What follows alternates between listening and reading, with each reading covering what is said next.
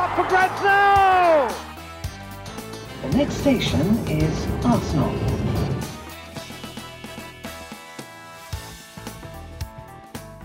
Velkommen skal du være til en ny episode av Arsenal Station med Magnus Johansen og meg, Simen Goffeng. Etter en rekordkort preseason så er Arsenal sannelig tilbake igjen, og vi skal jobbe oss gjennom alt som er verdt å vite før det hele sparkes i gang mot Fulham på lørdag. Eh, Hvordan er det med deg, Magnus? Er du egentlig klar for sesongstart allerede? Jeg er litt skuffa over at jeg ikke har blitt invitert på grillfest hos eh, Emi Martinez og Lucas Torreira, som de griller hver dag nå, virker det som. Og verken eh, jeg, du eller Hector Beirin er vel eh, velkommen der. Um, og så har jeg da i stedet sittet og spamma, spamma innboksen til eh, AOR og Party på sosiale medier. For det, det virker som om eh, både Ceballos og Gabriel eh, var veldig imponert over fansen sin iherdighet med, Mhm. Eh, før de signerte. Så det er bare å fortsette hele gjengen. Men Jeg skal vi ikke kimse av hva vi kan eh, gjøre for, eh, for å overtale disse spillerne. Så det virker som det, det faktisk har, eh, har en liten effekt. det gjør det, altså. Så det er bare å fortsette eh, å, å kjøre på. Bruke, bruke en time hver dag på å sende noen meldinger og noen hint og noen hjerter. Og, Ja, ja. så, du har brukt tida di fornuftig siste, med andre ord? da? ja. Eh, hadde jeg vært i karantene, så kunne det kanskje blitt mye. Men eh, sånn et par timer ledig hver kveld, så er det bare å passe på. Når, hvis det kan gi oss den midtbanen vi alle drømmer om, så, så må vi bare gjøre det. Fornuftig. Jeg ser at det er andre som driver og gleder seg til sesongstart. Jeg tok buss til jobb i dag, og da var det en kamerat som hadde dratt på seg eh, hadde dratt på seg en Wolverhampton eh, fullkit med både shorts og, og drakt. Det var ikke spesielt varmt heller, men eh, han kjørte faktisk en dobbelthopp. Det er mulig han skulle på noe idrettstrening på videregående eller noe sånt, men eh, det var gøy å se at det var noen som eh, kjenner på det samme engasjementet som det vi gjør. Ja, jeg går nok ikke i strømper og fo fotballsko og sånn på jobb, altså, men jeg, Har du aldri jeg, gjort det før? Jeg har, hatt en, jeg har drakt på jobb, men der går grensa, på en måte. Eh, Ja. Prøver å være litt proff, da, men Ja, jeg skal faktisk det innrømme at, eh, jeg skal faktisk innrømme at uh, i gamle dager, da, da jeg jobba i Nettavisen og skrev uh, fotballreferater i helgene, så, så var en gang iblant Arsenal-drakta var, var på, altså, når man satt og skrev om kampen. Så det, det oppfyller ikke alle kriterier til objektiv journalistikk, men eh, det er noe med at man må, må kle seg pent når det er høytids, høytidsdag. Ja, nå er det, nå er det bare fire nelliker igjen i den appelsinen. Eh, fire dager til seriestart eh, og Fulham på Craven Cottage, så nå, nå bobler det greit under panseret.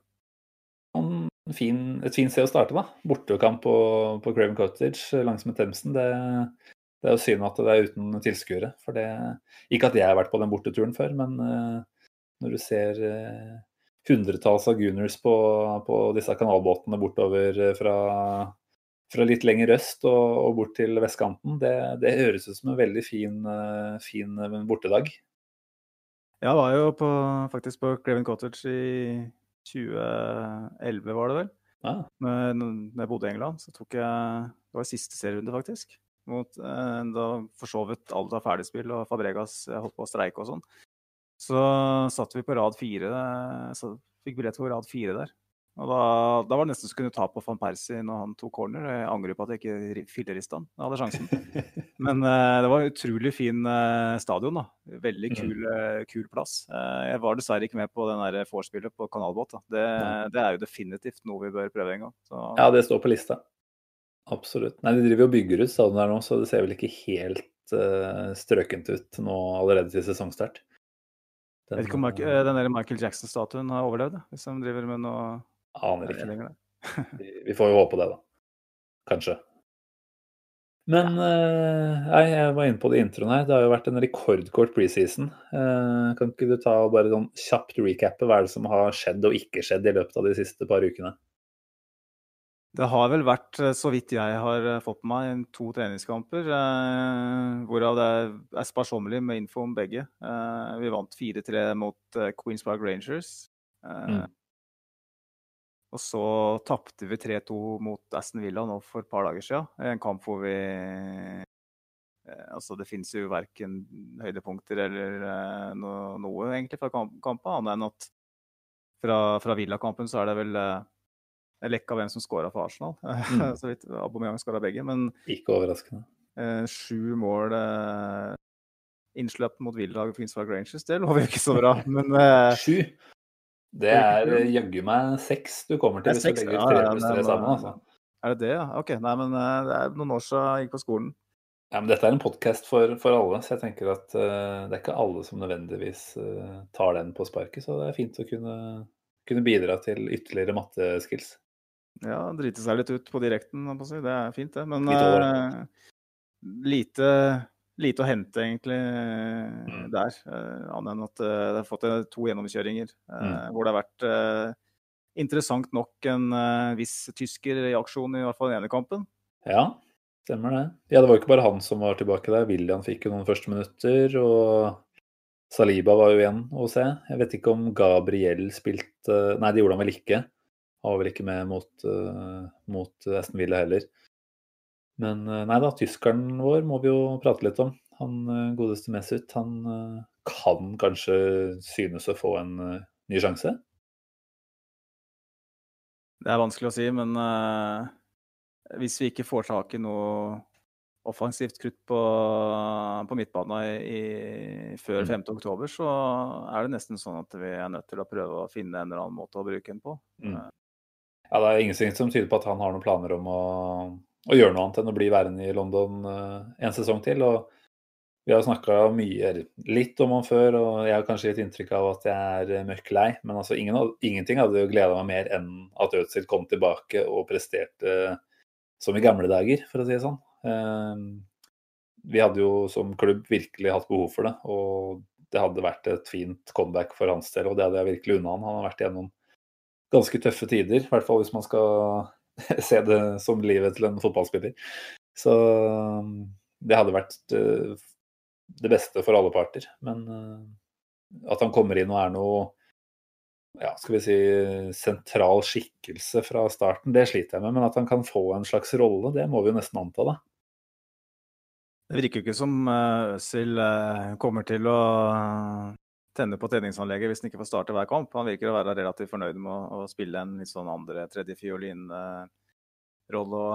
eh, Hvis han er villig til det og, og svelge noen kameler, og Arteta og eh, klubben for øvrig er villig til å svelge noen kameler og noen 350 000 pund i uka, så De blir borte uansett.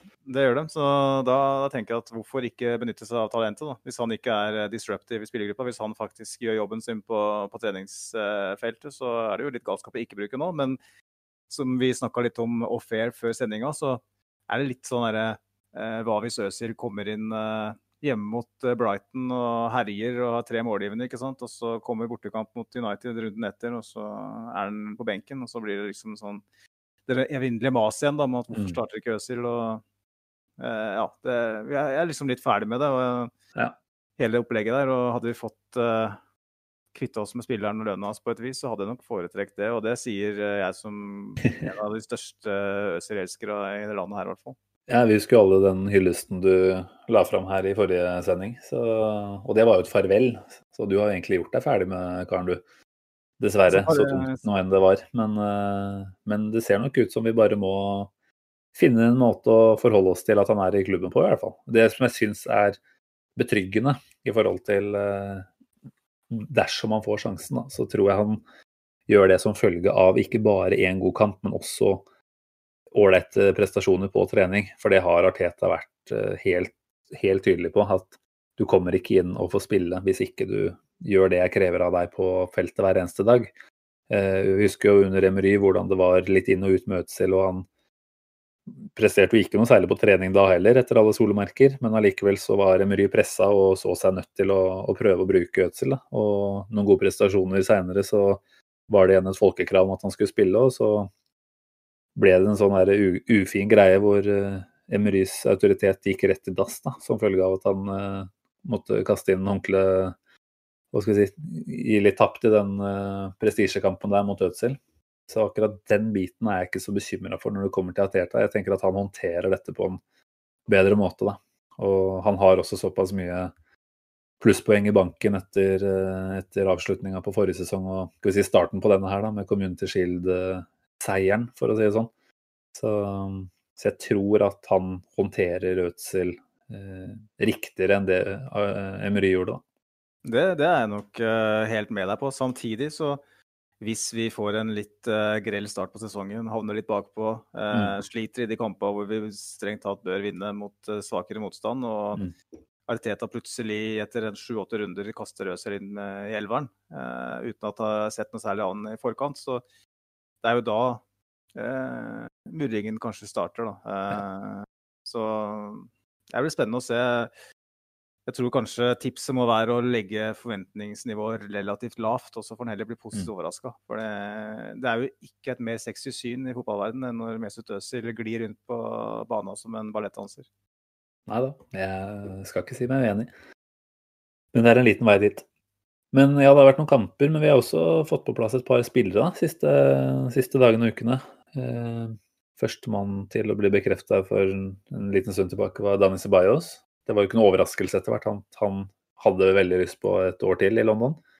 Fikk jo etter hvert en veldig fin, uh, fin relasjon til Arteta og ble jo en viktig spiller for oss. Så det må vi jo kunne si var en, en herlig fyr å få på plass igjen. Og han kommer jo ikke til å trenge noe innkjøringstid, så der ser vi vel for oss at han allerede fra nesten kamp én er til, uh, tilbake for fullt. Uh, litt usikker på hvordan han har trent gjennom sommeren, men men det er en mann vi kan eh, si oss godt fornøyd med å ha tilbake, vel? Ja. Eh, det er et lite utlegg eh, relativt sett eh, vi skal betale lønna hans, men det er ikke noe, ikke noe eh, Hva skal jeg si? Ja, vi betaler ikke noe til Madrid. Det er ikke en engangssum. Stemmer. stemmer, En fi. Og det er vel heller ikke noe, heller ikke noe planlagt overgangssum etter dette her. Så det blir jo tatt sikkert en vurdering på det gjennom sesongen eller mot slutten, om man tenker at vi ønsker å gjøre det permanent, da. Ja, og så lenge Zidane er i, i Real Madrid, så tipper jeg jo det er mulig å få han til en, en OK penge, med mindre han tar fullstendig av selvfølgelig, da, og herjer eh, i Premier League. Så hvis han presterer på det nivået han gjorde nå eh, etter koronaavbrekket, så, så er det en spiller vi kanskje bør vurdere å hente permanent òg. For det, mm. det, er jo noe med ha, ha, en spiller i laget som jeg tror kanskje passer, veld, passer veldig godt inn i, i det Ariteta prøver å bygge. Da. Han er mm. enormt ballsikker. og eh, De jobber knallhardt, vinner eh, vanvittig mye baller til tross for sin hva skal jeg si, litt eh, spede fysikk og osv. Han, han hadde vel flest gjenvinninger av samtlige Arsenal-spillere etter, etter, lockdown, hvis jeg ikke husker mm. feil. Så det er jo en spiller som har veldig, han er veldig allsidig, da, til tross for at han kanskje blir ansett som en sånn eh, tekniker, eh, offensiv midtbanespiller, så har han veldig mye mer ved seg. Så eh, veldig positivt til at vi fikk inn han. Det var, ja. Eh, det var, viktig, spesielt med tanke på at vi sliter eh, ja, ja. med å få inn eh, mer friskt blod på midten. Hadde vi gått inn i sesongen med, med de resterende alternativa, så hadde jeg sett ganske mørkt på det. Nei, det er veldig tynt uh, egentlig også med Ceballos på plass. Altså, vi må jo anta at Torreira stikker. Det er jo alt som tyder på at Fiorentina eller Torino stikker av med han. Uh, så har vi jo stadig vekk et håp om at vi får inn en, en, til. Det kan vi jo snakke litt mer om seinere. Men, men, per nå så er vi jo ikke altfor mange på sentrale posisjoner i, på midten. Så det var kjempeviktig. Og vi er jo veldig sårbare om det skulle dukke opp en skade på han eller Chaka, tenker jeg allerede da. Mm. Ja, Men, det, uh, det, er, det er krise. Ja. ja, det er jo det. uh, I tillegg så fikk vi jo på plass uh, Gabriel. Jeg tror vi holder oss til fornavnet der, er ikke det greit? da?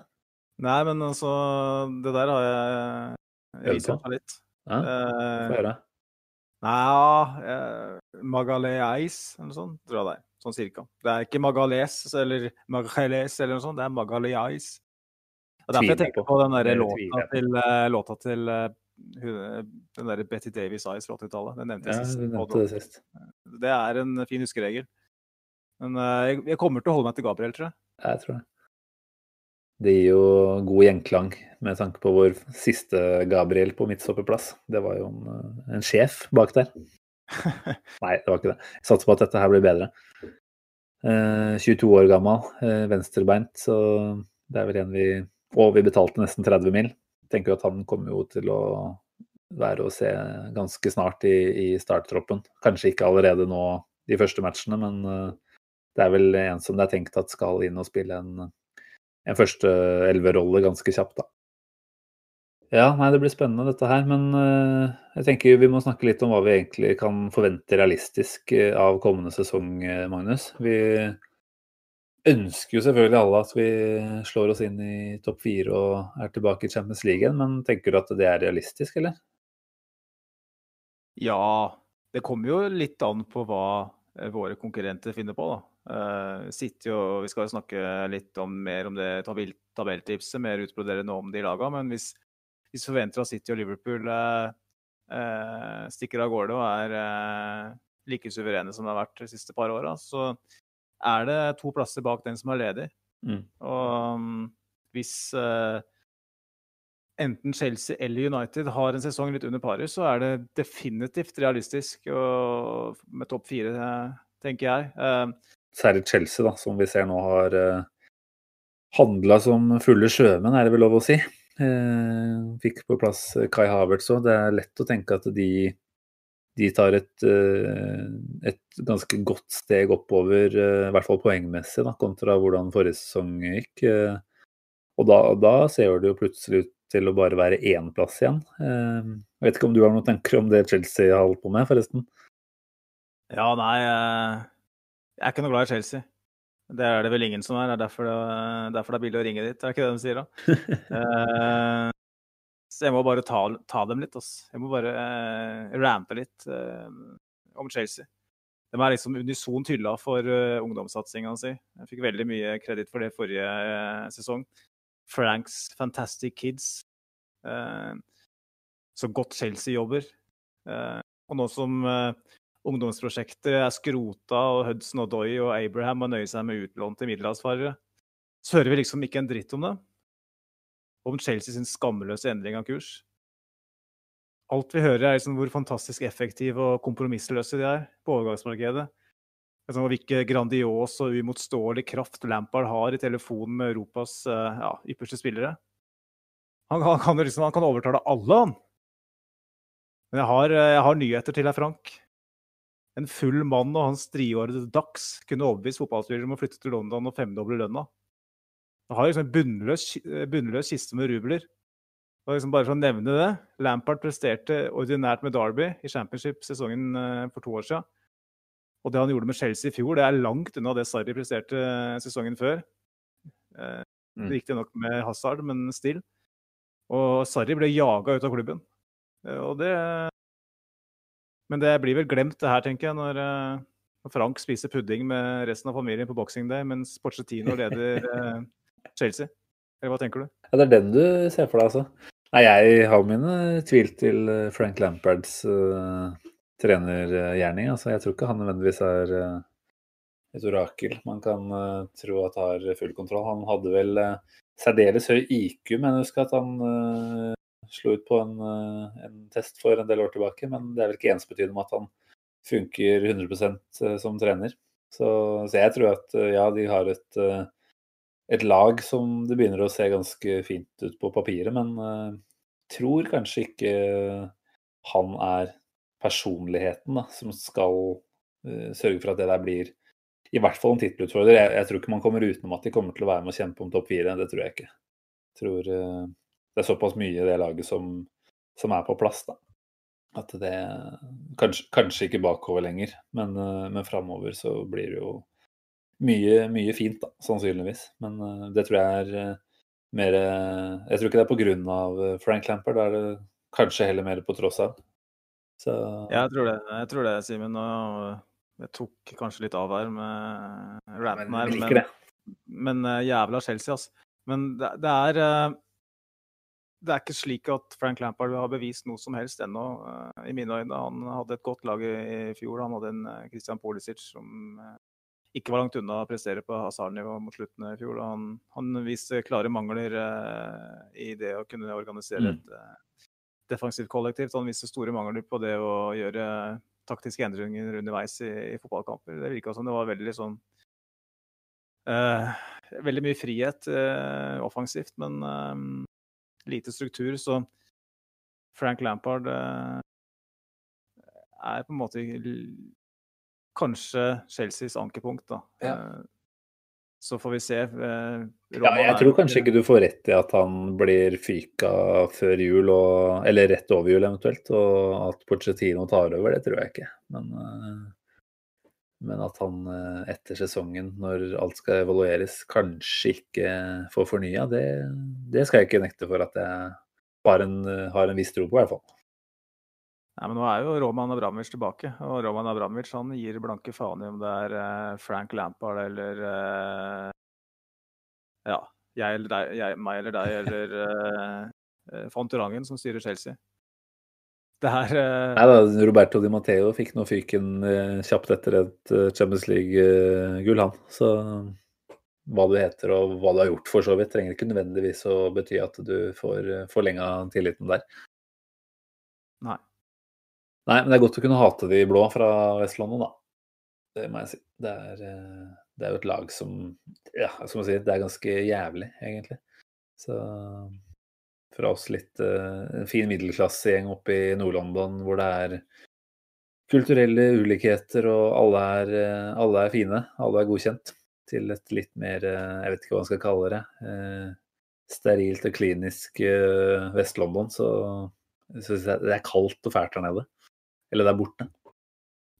Ja, det er trist. Jeg har vært på Stamford Bridge bare én gang, men uh, det er dårlige energier der. ja. ja, nei, det, det er nå absolutt et lag vi kommer til å måtte uh, se rundt oss for, i hvert fall etter det, tror jeg. Uh, og mye av vår sesong vil jo sånn sett avhenge av hva, hva de får i stand fra, fra tidligere. Men de har henta mye spillere, de skal spilles inn, de også. ikke sant? Det er ikke gitt at det er et lag som sitter som et skudd fra, fra første uke. Det må vi jo nesten kunne tro at de ikke gjør. Så Nei, det tror ikke jeg. Og uh, jeg tenker jo først og fremst uh, neste sesong igjen uh, er Chelseas mulighet, eh, med tanke, i hvert fall med tanke på ligagull. da, Hvis det helt tatt er mulig å trenge seg inn i den Mm. topp to der. Så har vi jo litt men vi har jo litt, syns jeg, da, samme greia med United. De eh, begynner jo å få et ganske bra lag etter hvert, Ja. eh, spesielt offensivt. Men der òg så har de kanskje en eh, manager som eh, kommer litt til kort eh, mot de aller eh, største. Eh, Jeg er tenker jo Solskjær er vel min Skal vi si mitt store hatobjekt, nesten, i Premier League. Det er kanskje noe mange nordmenn syns er litt, eh, litt ugreit, at man driver og kaster seg over eh, og angriper en, en landsmann. Tenker litt jantelov og sånt, men er, for meg så er Solskjær falsk. Altså. Han, han hører ikke hjemme i et opplag i Premier League som trener. Altså. Han, han er ikke god nok. Eh, og det er veldig fint sånn sett at han trener United, for jeg tror de med en Porcetino f.eks., de hadde sett livsfarlig ut allerede da. Eh, Solskjær er en type som drar i gang et lag med engasjement og som får de til å funke veldig godt i en god stim. Og, og, og han har hatt to gode perioder som har blitt avløst av en ekstremt lang dårlig periode, hvor han viste veldig dårlige evner til å snu det. Så jeg tenker at han er avhengig av at, eh, at det at det funker, da, og at alle drar i samme retning. Nå fikk de seg et kjempeboost med Fernandes inn i, i januar. Det var liksom han som kom inn og Det var han som kom inn og redda den sesongen. Det var jo ikke Solskjær som snudde det, eh, vil jeg påstå i hvert fall. Så mitt håp er jo at, eh, at i hvert fall nå, hvis de kanskje ikke får på plass mer enn han van de Beek, da, at eh, Sancho blir værende i Borussia Dortmund, så, så har ikke Solskjær og troppen fått det der eh, eksterne boostet som de fikk i, i januar. Og at de kanskje blir litt flate og kjipe allerede fra start. Jeg, jeg har de eh, bak oss på tabellen, for å si det sånn. Den kommer vi jo tilbake til etterpå. Ja, vi bruker jo litt mye tid her nå på å snakke om, eh, om de konkurrentene. Vi, vi skulle snakke om våre forventninger til eh, sesongen, vi. Det skulle vi, og eh, vi har vel for så vidt vært inne på hva vi forventer uh, ut ifra de forutsetningene vi har. Jeg tror vi har en vanvittig bra hovedtrener i Mikkel Arteta. Mm. Eh, selvfølgelig tidlig å konkludere, men han virker uh, Det er noe med ved den fyren, og det, det er jo påpekt uh, fra andre enn Arsenal-fans òg, for å si det sånn. Det er påpekt fra Guardiola, fra masse av de stjernene i City, det er påpekt fra Arsen Wenger. Det er noe, og Pochettino ikke minst, som var lagkamerat med en i, i PSG da han var ung. Mm. Så det, det, er noe spesielt for Arteta, og han er relativt overbevist om at han er en bedre fotballtrener enn både Solskjær Mm. og Lampard. Enig. Og en aldrende, utdatert, destruktiv Mourinho. Det er ikke verdt derfor, å nevne. så ja, Nei, det er jo egentlig ikke det, men eh, det er jo for så vidt de tre lagene vi må eh, se opp for, da. Mm. Og Ja. derfor så tenker jeg at uh, vår største sjanse er hovedtreneren vår. Det er, det er, det er han Jeg føler at håpet vårt ligger veldig på, Mm. på, på han. Jeg er enig. Altså, jeg syns det blir veldig vanskelig å altså, Hvis vi skal si det sånn svart-hvitt, hva er det som kvalifiserer for at dette er en eh, godkjent sesong eller ikke? Altså, Det vil jo være naturlig å sette et skille der på topp fire eller ikke topp fire. Men jeg syns på mange måter at det kan bli en litt forenkla vurdering, da. Jeg håper ikke at Altså, vi skal huske på at vi havna på åttendeplass, gjorde vi ikke det, sist sesong? Et Mm. hav av poeng bak eh, topp to, selvfølgelig, men også etter hvert en del poeng bak, eh, bak topp fire. Sånn at det er en kjempestor jobb som skal gjøres for å innhente de forsprangene der. Så vi må jo si at en Altså nå var jo en åttendeplass en stor underprestasjon, definitivt. Så det å gjenta en sånn bedrift eller eh, komme seg ett eller to hakk opp på tabellen er jo kanskje ikke godt nok, men si at vi havner på en femteplass, da, hvis vi skal bare tenke tabellplasseringer. Det er vel kanskje ikke sånn at vi må kunne Altså at vi skal kalle det en ikke godkjent sesong, eller hva tenker du? Det kommer helt an på eh, dramaturgien og eh, ytre omstendigheter, for å si det sånn. Det er jo slik at både Chelsea og United, som vi har vært inne på, eh, har større økonomiske muskler enn det vi har. Og hvis begge dem lykkes veldig godt, og si eh, sammen med Liverpool og City alle har eh, 75 pluss eh, poengmessig, så kan ikke vi grine på nesa hvis, vi får 73 poeng, som vel er 20 poeng bedre enn mer enn 20 poeng òg, bedre enn fjoråret. Mm. Det er en kraftig forbedring, og det er kanskje det vi først og fremst må, må lete etter. Eh, hvis vi fortsetter å utvikle oss eh, i positiv retning, hvis vi fortsetter å være vanskelig å slå i de store kampene mot topplag, i tillegg utvikler eh, et offensivt spill som gjør at vi kan i større grad være skapende og gode mot eh, svakere motstand, eh, og i i større grad klare å dominere fotballkamper. Mm. Spille underholdende fotball. Så må på en måte det være det viktigste. Da. Ja. Eh, og resultater vil alltid være med å avgjøre. og Får vi ikke resultater, så kan vi spille så fint vi vil. Men hvis vi får bedre resultater enn i fjor, det får en betraktelig bedre poengfangst, og de kriteriene jeg nevnte eh, oppfylles, så, så må vi være fornøyd. Eh, Vi, ikke, vi kan ikke styre hva eh, milliardgallerier eh, andre sida av London gjør, eller hva Solskjær og United gjør. Det, vi kan selvfølgelig slå dem i innebyrdes, men uh, vi må være litt uh, realistiske òg. og sånn sett så uh, Prosjektet Arteta eh, havner ikke på skraphaugen hvis vi ikke klarer topp fire, selv om det eh, er viktig på sitt vis. Nei, og det er viktig at du minner om det, for jeg tenker, tror jeg sa for en liten stund tilbake, at Arteta skal få han, han har gjort seg fortjent, kanskje nesten, allerede til å, til å bli gitt eh, for det første backing fra klubbledelsen for å, for å, å hente det han ønsker, men også gitt seg selv muligheten til å få litt tid. Da. Jeg tenker at hvis vi skal få maks ut av Arteta, så trenger han tre sesonger i hvert fall, eh, før vi får se eh, Artetas lag på sitt aller beste. Så er det klart at blir resultatene hinsides dårlig, så, så kommer man jo ofte ikke utenom et utskift. Men, men sånn som han har med seg hele spillertroppen eh, og sørger for at uh, spillere drar i samme retning, så er det ingenting som tyder på at, uh, at det her plutselig skal begynne å slå sprekker og, og gå motsatt vei. Da. Så, så jeg tenker at uh, nesten, nesten uavhengig av hvordan kommende sesong ender, så er jeg villig til å gi han fornya tillit. Ja, det er klart eh, Det er lett, lett å si det, selvfølgelig. Hvis vi ligger på 13.-plass til, jul, eh, til jul, så kan det hende at vi har andre, andre ting å komme med. At pipa har fått en annen lyd. Men samtidig så tror jeg vel vi er såpass realistiske eh, i positiv forstand òg. At jeg tenker at det Arteta holder på med, det kommer ikke til å bli noe dårligere enn det Emery leverte i sin siste sesong. Det, det kan det ikke bli. Altså den siste ikke hele sesong, for så vidt, da, men det han holdt på med på høstsesongen i Mm. fjor. da. Det kommer ikke til å bli dårligere enn det. Så um, jeg er ganske sikker på at vi minimum klarer en topp seks-plassering. Ja.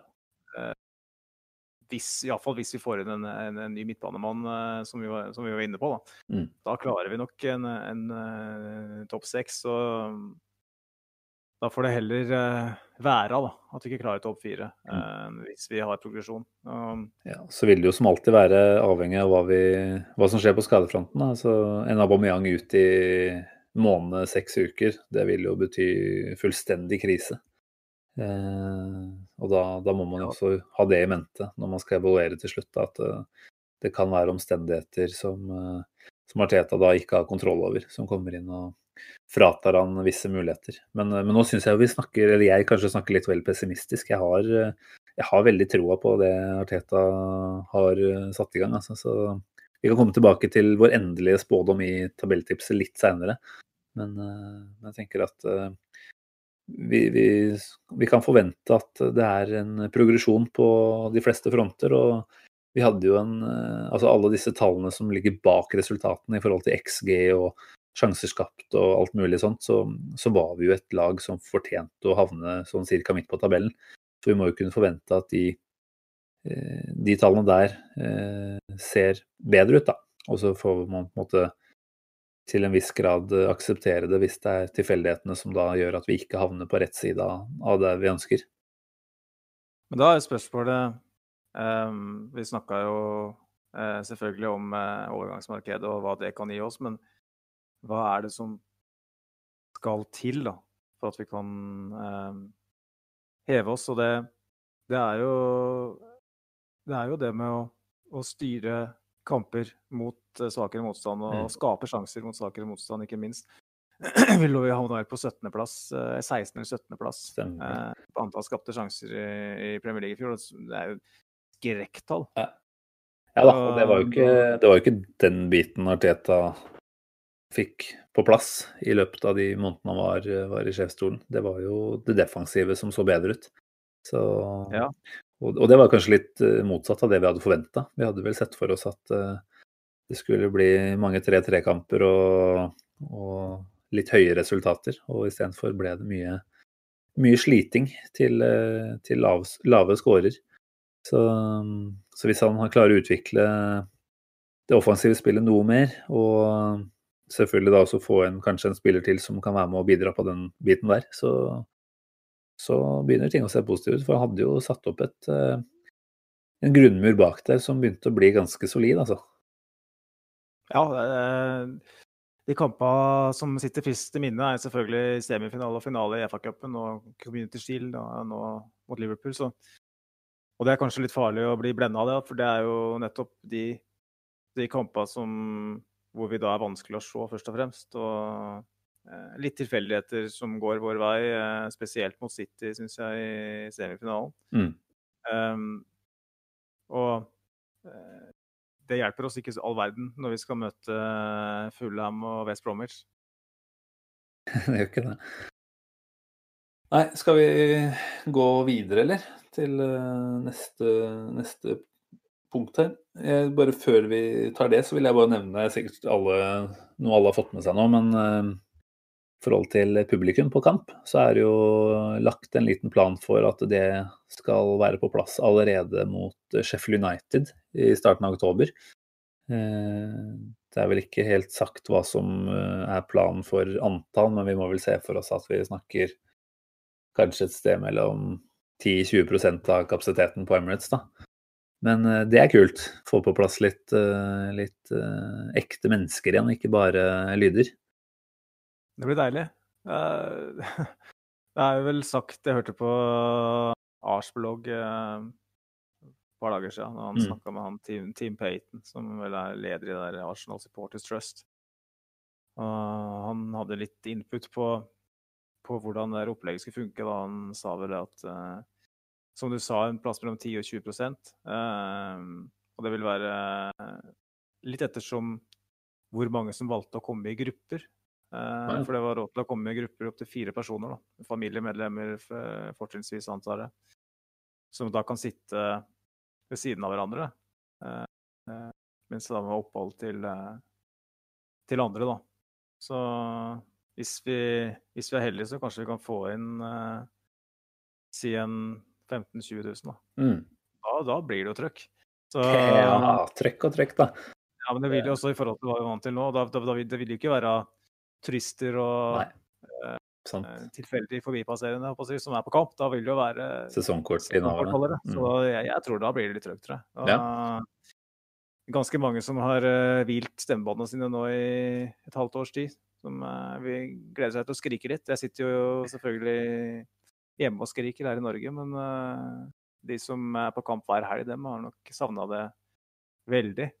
Og Vi må jo satse på at ingen av de går, eh, går tidlig, da. Det er jo noe som stadig vekk man har skjemtes litt over når det begynner å bli over halvtomt eh, når det nærmer seg 90 på klokka. Det, nå er det for så vidt eh, over halvtomt hele matchen, men da må vi håpe at de blir sittende. Og det må de kanskje òg. Det er vel sånn at du skal geleides både inn og ut eh, på, på setet ditt, tenker jeg.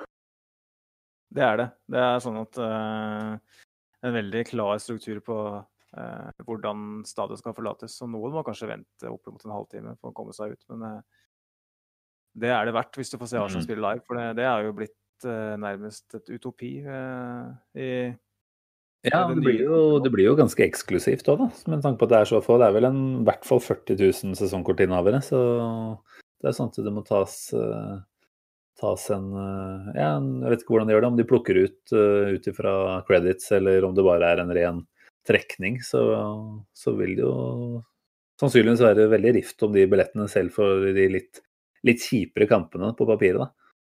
Så det blir bra. Det vil alltid være eh, mulig å fylle opp de setene, det er jeg helt sikker på. Ja. Og vi håper det blir en rullering, så, sånn at alle eh, som eh, fortjener det eh, mest, som jo de sesongkontrollerne gjør, som Mm. betaler mest og er ofte på kamp, får mulighet til å gå. Absolutt. Nei, Det, blir, det er vel kanskje noen norske sesongkortholdere òg som begynner å kjenne at det rykker litt, og se om det går an å, å komme seg over dammen en liten tur. Jeg fikk faktisk eh, tilbud om sesongkort nå i, Mm. i vår. Eh, eller i vår, januar-februar eller noe sånt. Eh, da jeg stått på den ventelista i ti lange, åtte brede, holdt på å si. Så endelig så fikk jeg tilbud om å kjøpe, og da kom koronaen, så da avventa jeg litt. Det er ikke meant to be akkurat nå, nei. Nei. Nei, nei det blir kult med, med folk på tribunen igjen. Veldig bra. Eh, vi tar vel tabelltips eh, litt seinere, tenker jeg. Så før vi kommer dit, så skulle vi vel prate litt om eh, om hva vi spår at uh, ulike spillere, eh, for å være litt eh, mer konkrete og spesifikke, hva de kommer til å prestere. La oss starte med angriperne våre, da. Hvis vi skal sette en liten en liten gjetning på hvor mange skåringer det blir på, på de mest sentrale angrepsspillerne. Har vi noen, eh, noen tanker om det? La oss starte med the main man. Skal vi senke ligamål, da? eh, For Ja. det. Det er ryddig, tenker jeg. Tja, jeg tenker eh, at han var så skarp i fjor. Eh, og til tross for at han nesten ikke eh, fikk eh, noe service. Og jeg antar at vi kommer til å utvikle oss der, og derfor så tipper jeg at eh, Alba får eh, 25 i ligaen. Oi. Ja, det, det begynner jo å se ganske anselig ut, da. Det er vel eh, mer enn det. Han har vel skåra er det 22 og 21? 22, nei, 22 to sesonger på rad. Begge sesongene. Ja. Nei, altså det, da er det jo ikke helt urealistisk å, å dytte den opp på 25. Det bare høres umiddelbart så mye mer ut når du begynner å, å bikke over eh, halvparten av 25-tallet. Eller halvparten av 20-tallet. Men eh, ja, jeg er nå litt eh, Jeg håper jo på mange måter at vi fordeler målene litt mer enn det vi har gjort de siste par åra. For det er ikke noe tvil om at skal vi si nesten vi er et enmannsangrep med, med Aubameyang på banen. Det kan vi være glad for, men det gjør oss også litt, litt sårbare. Så jeg, jeg tror kanskje da at, siden du sier 22, to sesonger på rad, at det kanskje er det vi får nok en gang. da. 22 skåringer der. Mm. Han eh, godeste PP har vel også vist seg som en ganske solid straffeeksekutør, da. Og da lurer jeg på om eh, Abba deler bort litt flere av de straffene òg, kanskje. Det tror jeg ikke. Han, eh, Han har det. Han ga bort i hvert fall to, gjorde han ikke det? Hvor han var på banen. Han ga bort Jeg husker i hvert fall én han ga bort til Lacassette eh, når eh, sistnevnte var inne i en av de der eh, Ja, ja. Han ga bort til PP, og PP sitt første husker jeg at eh, han fikk av Aubameyang. OK. Ja. Så- Ja, men det sier jo også litt om typen han er, da. Men han ser jo nesten bare skarpere og skarpere ut jo, mer, jo lenger tida går her.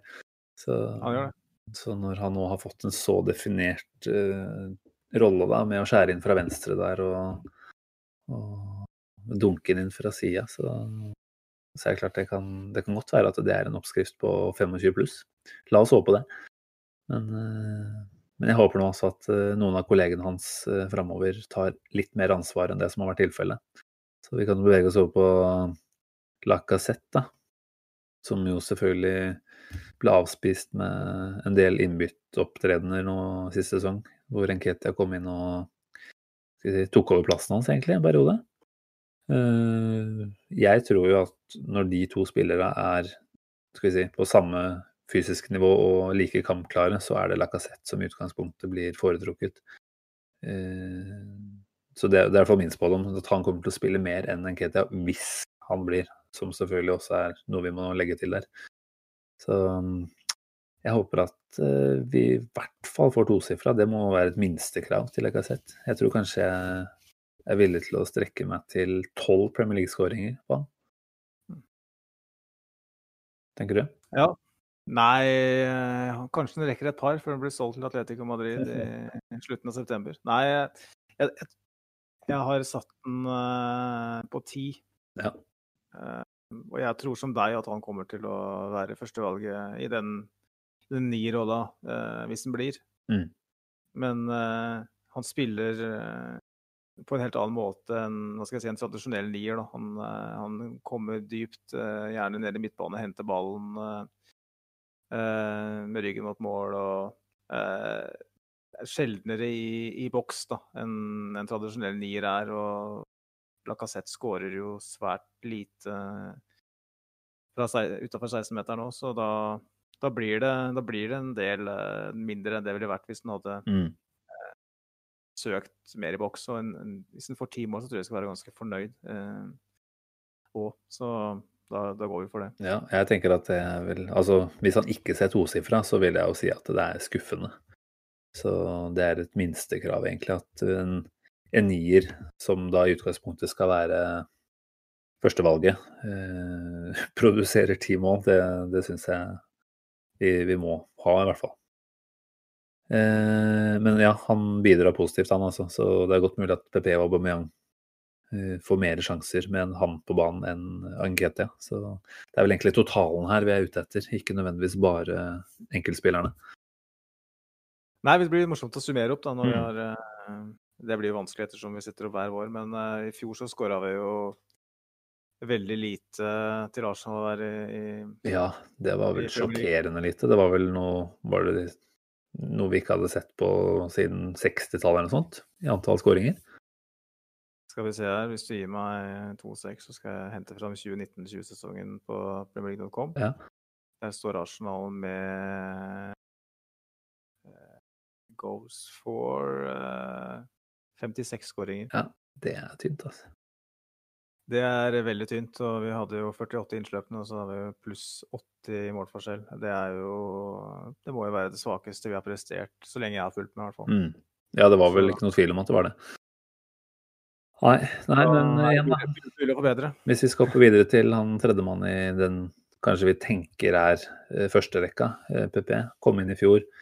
Fikk vel var det fem mål og seks assist i, i Premier League, tror jeg.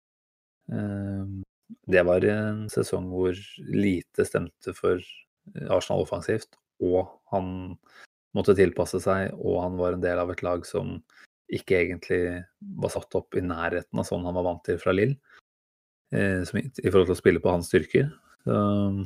Vi så jo noen uh, lovende tegn da, gjennom sesongen. Så vi må jo anta at vi får en viss forbedring fra han allerede nå kommende sesong, tror du ikke?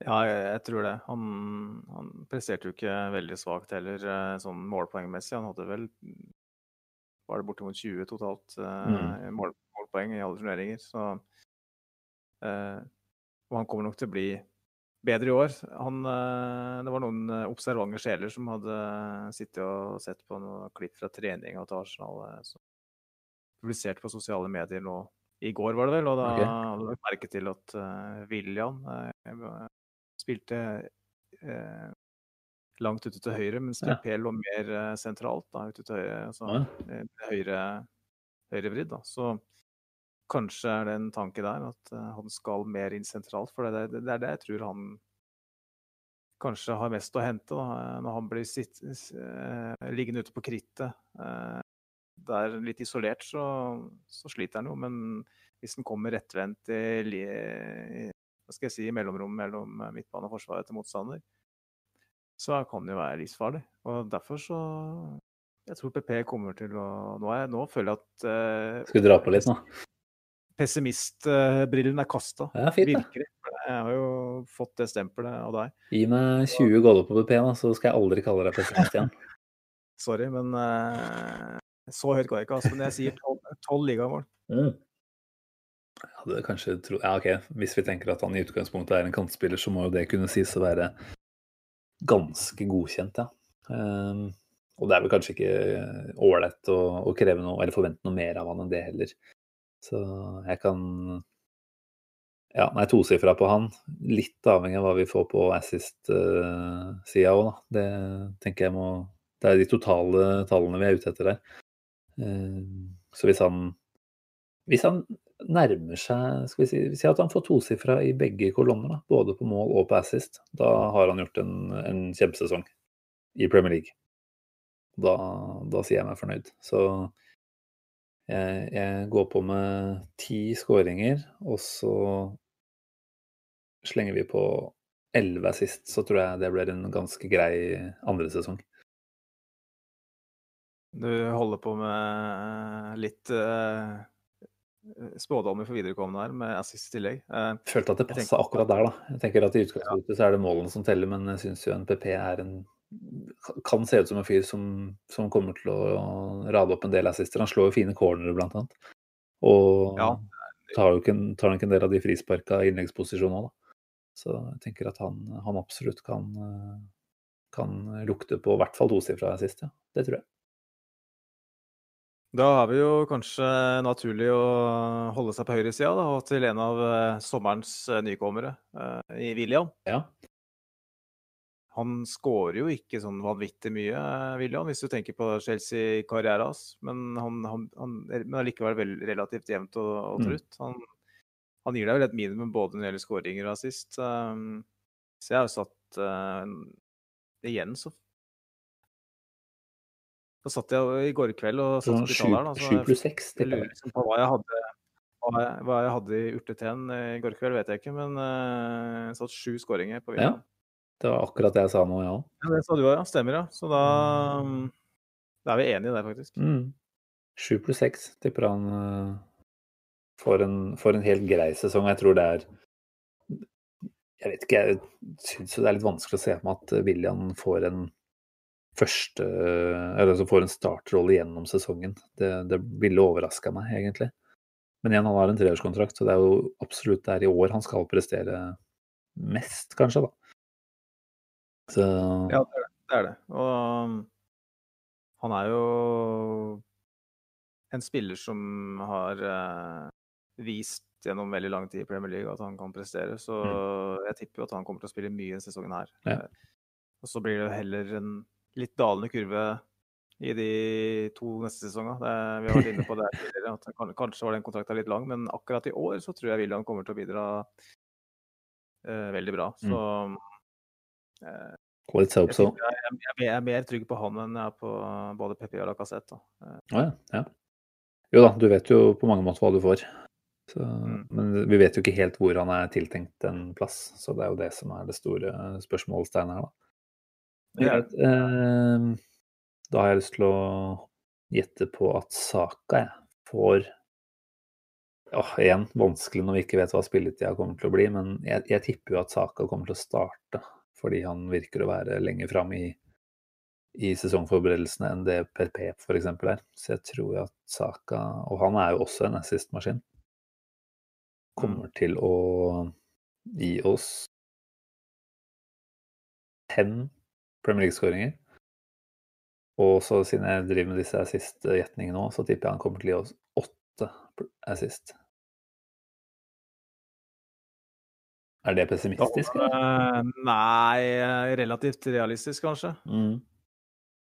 Jeg har ikke satt noe assist-notering her, så jeg kommer ikke til å gjøre det heller. Jeg holder meg til måla, og da mm, Saka han setter jeg på fire ligamål. Ja. Og det, det er edruelig. Jeg tenker at eh, hvis han hører på med tolk, opp og å si det så jeg har ikke lyst til å bidra, bidra til å legge noe press på det, iallfall. Eh, jeg, føler, jeg føler at det blir feil av oss uansett som, som Arsenal-fans å legge for mye press på en Mm. så ung spiller. eh, Men eh, det kan godt hende at han skårer masse flere enn det. Men eh, fire mål, det, det er realistisk. Så Ja. da legger vi oss der. Han har jo fått sjuer nå, så det er klart eh, Jeg vet ikke om det er vi som legger press på han, eller om det er klubben, eller om det er han selv. Han har vel tenkt at det, det tallet er eh, veldig fint å ha, så han vet vel at det stilles noen høyere forventninger med en gang man ikler seg den drakta der. Ja, han hopper ikke etter Wirkola ellers. Nei, da har det vært noen fine sjuere opp igjennom, da. Jeg tenker på Mkhitaryan, som hadde den forrige gang. Direkte etter, nei, det sånn sett er en lav liste oppover. Den kan han vel egentlig gå over. Så det, nei da, det, det skulle han klare fint. Men OK, eh, da er vi gjennom saka. Vi må ha med i hvert fall Nketia da, når vi snakker om, om hvem vi forventer mål av. Han er jo en vi ringer til når vi trenger mål. Eh, han Jeg har ikke helt oversikt. Det ble vel kanskje ikke mer enn et par Premier League-skåringer på han. To-tre i fjor. Eh, var ja, Nei, så heldig det. I Leeds eh, en halvdel, så vi skal ikke, skal ikke si at det er helt krise. Han bidro godt i andre turneringer. Men eh, hvis vi tenker at han spiller en backup-rolle, da, sånn som situasjonen er nå etter Lacassette, eh, tenker vi at et eller annet sted mellom skal vi si, fem og åtte skåringer er det vi kanskje bør forvente av ham, eller? Litt mer. Jeg har lagt meg på åtte, faktisk. Eh, Mm. For jeg tenker at Nketia han er jo en, et rovdyr i boksen.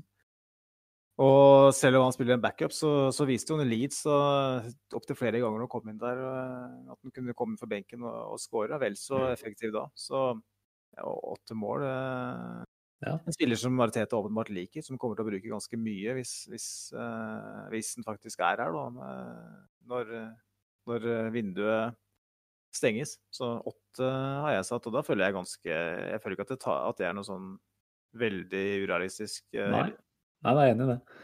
Nei, jeg kan eh, gå med på det. Og dette her spiller jo Altså, er han en type som kommer inn siste 20 og får et par enkle sjanser mot litt dårligere lag, og det gjentar seg ofte, så, så er vi på åtte ganske fort. Eh, Så, så her blir det Det blir mye opp til hva slags kampbilder han både eventuelt er en del av fra start og kommer inn i, og og selvfølgelig hva slags eh, offensivt eh, arsenal han får lov til å være en del av. Det, det er jo ikke fra i fjoråret så veldig mye som tyder på at det kommer til å renne inn. Så, så ut ifra et, et eh, eh, snitt på 56 mål i løpet av sesongen, så, så ville jeg jo tenkt at åtte er mange. Da blir det en noe høyere prosentsats enn det jeg egentlig forventer. Men vi må jo tippe at vi, vi scorer en del mer enn det, da. Og da, da tenker jeg åtte er fint, jeg. Mm, det tror jeg helt klart eh, kan skje. Så Mm. jeg tror vi er i ferd med å eh, sprenge skala fra fjoråret eh, før eh, Altså bare på angripere. Nå har vi ikke tatt med deilig hodestøt fra midtstoppere og Et par rakkarøkere fra Chaka. Nettopp, nettopp. Så da, da, da ser det bra ut. Vi har jo kanskje bare én igjen, da, som kanskje ja, Jeg vil si den mest uforutsigbare sånn sett, av eh, eh, korsbåndskaden i Martinelli. Som, Ja. Kommer Fader, tilbake. nesten glemt, vet du. Det er jo Det er jo kriminelt å ikke ha snakka mer om han, egentlig. Han hadde vi jo absolutt ville prata mye om hvis han ikke hadde vært ute med skade en så, såpass lang periode nå. Han uh, skårte jo ikke så mye Premier League-skåringer, han heller, men uh, Og han er vel kanskje sånn sett, med tanke på at han har vært skada, en fyr som må se etter flest muligheter i cupkamper igjen, da. Vil jeg tro. Så jeg tror at hans Premier League-beholdning vil begrense seg ganske godt, egentlig. Uh, jeg tipper han skårer Jeg tipper maks fem. Jeg tipper han setter fire Premier League-skåringer. Mm. Ja, nei, jeg tror jeg Jeg legger meg rundt der sjøl, altså. Jeg legger meg Ja, skal jeg være Skal jeg ta på meg den der optimistfrakken og si fem, da? Han han vil jo fort kunne spille en del hvis uh, Aubameyang skulle være ute av diverse årsaker. Da. Det er jo kanskje mm. den naturlige erstatteren på venstresida der. Ja, jeg vet ikke helt hvor langt han har kommet i rehaben og sånt, ja. om det nærmer seg noe fullkontakttrening på han. Det er vel et lite stykke dit fortsatt, er det ikke det? Det er nok det, så det kan hende at du burde justere ned, men uh, han er vel tilbake i løpet av høsten, da. Og ja. han er jo et Vi så i fjor hvor uh, giftig han er eh, i mm. boksen. Han, er jo, han kan skåre mål med nesten alle kroppsdeler. Ja, ja, ja. et, et, supertalent. Jeg gleder meg skikkelig til å se Martinelli igjen. Og eh, jeg tror på sikt så eh, Av de unggutta som vi nevner her, så er det nok han som er den som kommer til å skåre flest mål, tror jeg, i Premier League. Han, er, ja, han var jo en, eh, en type som som kjenner på skåringslukta hele veien. Så jeg tipper jo at både fra en venstrekant og eventuelt en spissposisjon, så vil han kunne, hvis han får plass eh, på laget, være en, en ganske solid målskårer etter hvert, ja. Men, bidra, men nå har jeg vist uh, ganske begrensa ferdigheter uh, matematisk i løpet av podkasten så langt. Men jeg skal prøve meg her. Jeg har jo satt, jeg har skrevet ned mine tips uh, stort sett her. Jeg har Aubameyang på 25. Lacassette 10, skal vi se 35 pluss PP 12, 47. William 54, 62. Eh, skal vi se, Martinelli hadde jeg 5, 67. Eh, hvem er det jeg har glemt da? Saka. Eh, Fire? Fire. Ja, 71 skåringer bare på angripere. Jeg hører at vi er litt ute og kjører kanskje der, da. Men uh... Jeg, jeg, tror nok det. Eh, og så har vi jo faktisk ikke nevnt Nelson, som selvfølgelig fortjener den mennesken her. Eh, kan jo fort komme med et par-tre stykker, han også. Ja, vi får se. Eh, har ikke helt Jeg har mista litt grann, eh, trua der, men det han kan jo hende at han får bidra litt. Men mm. jeg tror uansett at vi har lagt oss litt for høyt. Eh, men sånn er det jo gjerne. Han det er jo slik at Lacassette fort kan eh, være borte når vi skriver 5.10. Eh, det kan fort være at eh, Nketia er på et utland, for, for alt vi vet, hvis det kommer mm. inn en ny spiss her. Martinelli kan hende sliter med å helt tatt komme til komme inn førsteelver i løpet av sesongen. Så det her er jo på en måte tall som baserer seg på at de spillere her sannsynligvis kommer til å spille mye. Da. Så mm. Ja, og alle spiller jo ikke mye nødvendigvis, så, så det er godt mulig at vi har runda litt opp på litt for mange. Men på den annen side, hvis vi skal være oppe i en topp fire-kamp og hevde oss, så, så, må vi nok nærme oss de tallene her på de aller fleste av de, altså. Mm. Så nei, det blir uh, interessant. Men mens vi driver og spår uh, litt sånn diverse her, skulle vi tatt en kjapp uh, kjapp gjetning på hvem vi tenker blir årets komet, og kanskje også den litt mer kjipe årets skuffelse, eller? Bare veldig, veldig raskt. Alltid moro å, å komme med noen spådommer så mm. når en får rett. Hvis ikke så er det ingen som hører på denne episoden her om et år, så Alle har glemt dette, her, så det går fint. Ja. Uh, jeg har satt et navn på årets komet som jeg Jeg vet ikke om det er innafor å kalle det årets komet, men fordi han var litt komet uh, de siste kampa etter, etter comeback her, og det er Maitland Niles. Ja. Syns han var helt enorm, i de, spesielt i de kampene mot toppmotstand. Og hvis han blir, det er jo et spørsmål, så tror jeg han kommer til å ta store steg. og etablere seg på Jeg tror det enten Beirin eller Maitland Nice forsvinner. Og Mm. hvis Beirin går, og det er kanskje der det er mest å hente økonomisk, eh, så, tror jeg, så tror jeg Maitland Nice får sjansen til å kapre den eh, høyre back-posisjonen. Um, han har vist såpass mye nå. Han er i landslagstroppen eh, og forhåpentligvis får et innhopp i kveld når vi Mm. spiller inn her. Og um, tydeligvis kommet kommet på gode tanker eh, med tanke på det å jobbe knallhardt på trening og være fokusert. Det var det som også mangla for Maitland Niles. Ikke minst det å være fokusert eh, i 90 minutter. Hadde en del matcher hvor han mista det litt, sovna litt, fikk noen røde kort som var veldig unødvendig. og Han har, har luka ut det og virker Han er kanskje den best trente spilleren vi har. Eh, Mm. helt ustoppelig. Mest laidback og best trent. Fin Ja, det er herlig. Så jeg setter han som årets eh, komet. Så får du heller eh, arrestere meg hvis du syns det blir feil. Nei, jeg tenker du har gode argumenter for det. altså. Jeg tenkte jo selv David Louise, jeg, da. Nei da. Jeg tenkte Jeg vet ikke om man kan si at en stopper til nesten 30 mil kan være en komet, men jeg, jeg har lyst til å gå all in på William Saliba som årets komet. Jeg eh, tror ikke nødvendigvis han starter sesongen, men jeg tror han avslutter den som et eh, ganske klart førstevalg, har jeg lyst til å spå, altså. Eh, mulig at det er å forvente litt mye av en Han er vel bare 19 år, da. Så sånn sett så lever han i hvert fall opp til eh, eh, kometstempelet, i så fall. Han eh, er vel snart en, ja, opp, blant de yngste, i hvert fall, som eh, befinner seg i A-lagstroppen.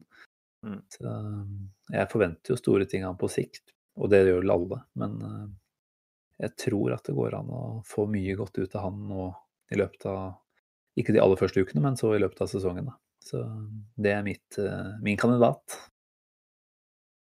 Den er, den er eh, gullet god, altså. Det hadde, hadde ikke vært for eh, kometkarrieren til Nice på slutten av sesongen, nå, så hadde nok Saliba vært mitt valg òg. Så det, mm. den er jeg med på. Og Da er det safe.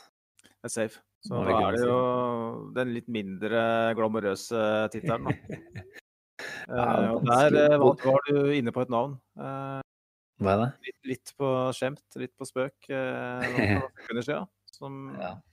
dessverre jeg må dra opp i den eh, skuffelses, eh, skuffelsessegmentet. Eh, jeg er redd for at eh, David Louis, som har blitt ett år eldre, eh, i konkurranse med et par yngre oppad, nei, fremadstormende stoppere, kan eh, kanskje få en litt tung, eh, tung Mm. sesong. Mm. han, eh, han har en evne til å være påskrudd en del store kamper og sånn, som vi så nå mot slutten av sesongen. Men så har han de kampene mot, mot Brighton og Villa og West Bromwich, for å ta noen sånne eksempler på laget hvor kanskje ikke så mange forventer så mye av han. Da, da har han en tendens til å skru av litt. og Mm.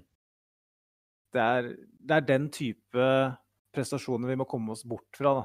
Eh, Å ha midtstoppere og forsvarsspillere som, som sover på jobb. da. Eh, Noe Maitland Niles f.eks. virker å ha luka ut av sitt spill. Eh, han er ung, ikke sant. Du forventer jo at, at det er noe han kan lære av. David Lewis han er eh, 33. ja da, han er det han er, han. Toget det, det har forlatt perrongen, og det er snart på endestasjon. Og da eh, Jeg får litt vondt i hjertet av å si det, på en måte. Jeg er jo en skeptiker eh, når det gjelder David Lewis, men jeg var veldig glad, veldig fornøyd med måten han eh, avsluttet sesongen på i fjor. Da virker som en veldig fin fyr. Og det, det er liksom det første navnet som eh, som dukker opp i hodet mitt. Ja, nei, det er godt. Og han, jeg vil jo tro at det er en spiller som kommer til å få en del spilletid. Da, da vil det være lettere å dømme han nord og ned hvis det blir mye dårlig. Eh, man kunne jo selvfølgelig sagt at en spiller som Kolasinac eller Elneni da, kunne blitt en slags skuffelse, men igjen, det handler jo om at vi forventer vel heller ganske lite av de to. Og, og sånn sett så skal det mer til for at de skuffer oss òg. Plutselig, altså ingen av de trenger nødvendigvis å være her noe særlig lenger heller. Så det er jo på en måte det forbeholdet vi må ta da når vi snakker om det, at vi vet jo ikke helt hvem som, hvem som eh, drar. Eh, nei, jeg syns Louise er et godt shout. Eh, nei, jeg, jeg har ønsket på en måte å ha troa på, på alle, da. Eh, Rob Holding har jo blitt linka til Newcastle. Han virker jo å kanskje bli nå, med tanke på at Arteta har et ønske om å introdusere Saliba litt forsiktig. Jeg ser jo for meg en situasjon hvor Holding starter sesongen, og så tenker jeg kanskje at han kommer til å være såpass begrensa og etter hvert spille seg ut at nevnte Saliba tar over plassen. da, og at eh, sesongen for Holding sånn sett blir en skuffelse. Uh, igjen vet ikke helt hva jeg skal forvente av han selv, men hvis han spiller seg ut av en, en startelver nå i løpet av noen uker, så er jo det en skuffelse. En fyr jeg har lyst til å se i klubben, egentlig, men som kanskje ikke er god nok. Uh, så siden du valgte Louise, og jeg skal prøve å være litt grann, uh, selvstendig her, så går jeg faktisk for Rob Holding. Jeg vet ikke hva du tenker om det valget der? Jeg tenker jo at, at vi på ingen måte diskriminerer på hårmanke, i så fall. Jeg ser at Rob Holding er i ferd med å bli skalla i en alder av er det 24? Mm, det er fint foran her. Louise virker som det gror veldig godt, så vi vi har ikke noen preferanser på sveis, eh, men jeg tror vi har eh, begge to kommet til en relativt realistisk løsning her. Jeg har ikke, har ikke eh, helt trua på holding sjøl heller, så det er innafor det. Ja, Nei, men da, da, sier vi oss fornøyd med den biten. Men en ganske stor bolk som vi egentlig burde ha snakka mye mer om, som jeg ser at vi kanskje må begrense oss litt rundt, det er jo hva vi forventer er vår førsteelver. altså vår presumptive beste elver. Hva Arteta ser for seg er favorittelveren da, nå i løpet av sesongen. Det, det laget vi får se mot Fulham, kommer jo ikke til å være det laget vi får se litt utover i sesongen. Av den enkle grunn at uh, en del spillere ikke er helt klare, rett og slett. Men la oss gå gjennom litt kjapt. La oss prøve å være kjappe. Vi starter bakerst. Per nå så har vi både Leno og Martinez i mål. Uh, det ryktes at Martinez uh, får eh, et høynet bud fra Villa eh, kastet eh, mot seg. Og det kan godt hende at han sånn sett da ikke er her. Men la oss gå ut fra at begge er her ved sesongstart og utover. Hvem kjører du som bakerste mann? Nei, vi har jo fått et lytterspørsmål om det her òg, det syns jeg skal ta med. Mm. Vi er ikke bortskjemt der. fra Hedley Nei, Heddy på Twitter. at HedleyB1. Han eh, spør jo rett og slett Martinez eh, eller Leno. Han har flere spørsmål òg, men det kan vi heller komme tilbake til. Eh, okay. Han spør Martinez eller Leno. Og jeg syns det der er så vanskelig at jeg, jeg sliter faktisk med å ta det valget. Og mm. jeg regner med at Arsenal kanskje gjør òg. Ja, det virker jo sånn. Jeg liker, jeg liker, Martinez best som keeper, men jeg velger likevel Leno. Fordi mm. at vi har tross alt sett såpass lite av Martinez totalt sett at uh, det vil være veldig risikabelt å, å, å si, eventuelt selge Leno og satse på Martinez som uh, førstekeeper når, uh, når han egentlig i løpet av karrieren på det nivået her har seks-sju uker mm. uh, med, med opptredener. Så da blir det veldig safe å gå for Leno, og jeg tenker at det er òg det man bør gjøre. Så ja. da lander jeg, lander jeg, på han. Ja, nei, jeg er enig. Jeg tenker jo at uh, Leno har bevist over 300 kamper kanskje på ganske høyt nivå i Bundesliga og i Premier League at han duger, og vel så det. Det er jo nok mange som har glemt hvor god han faktisk var før han ble skada.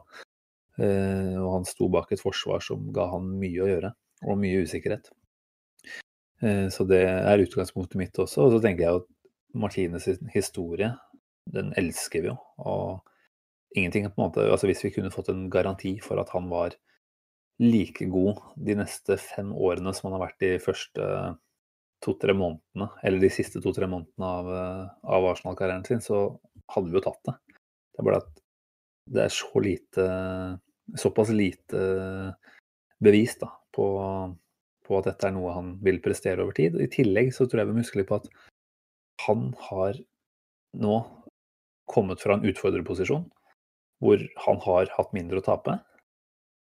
Skulle du plutselig gitt han opplevelsen av å være førstevalget, så sitter han selvfølgelig med en slags selvtillit pga. det, men han vil kanskje også sitte med en følelse av at forventningene som stilles til han er større, og sånn sett blir også presset større. Og fallet kan også bli hardere, da.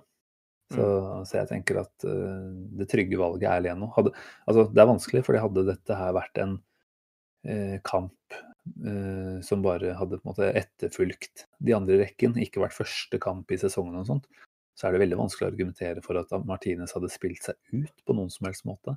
Mm. Men, men nå skal vi starte på nytt. Og jeg ja, litt sånn blanke ark på begge to igjen, da. Selv om Martinez måte, sto der på slutten av forrige sesong. Så tenker jeg at det er vanskelig å utelate Leno. Og det har vært mye snakk om at uh, Martinez blir misfornøyd hvis han blir uh, blir satt tilbake igjen på benken og en reserverolle, og det skjønner jeg veldig godt, men hva tror du ikke Bernt Leno ville vært, da? Han ville jo i hvert fall ikke vært fornøyd med å plutselig se at han er en nummer to. Han er jo tross alt en utfordrer til uh, førstekeeperplassen i, i Tyskland òg, selv om han selvfølgelig er et lite hakk bak et par av de der. Så, så jeg tror nok Leno er det riktige valget, rett og slett. Selv om han kanskje ikke er det mest romantiske valget.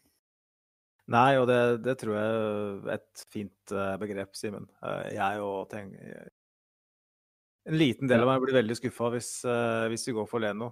ikke fordi at jeg ikke liker Leno, men fordi jeg liker Martinus så utrolig godt. Han, mm. han har så mye mer ved seg, syns jeg, som keeper. Han er så god med ball. Han har, så, han, har på en måte en litt annen kroppstype. Han er, han er et beist. Mm.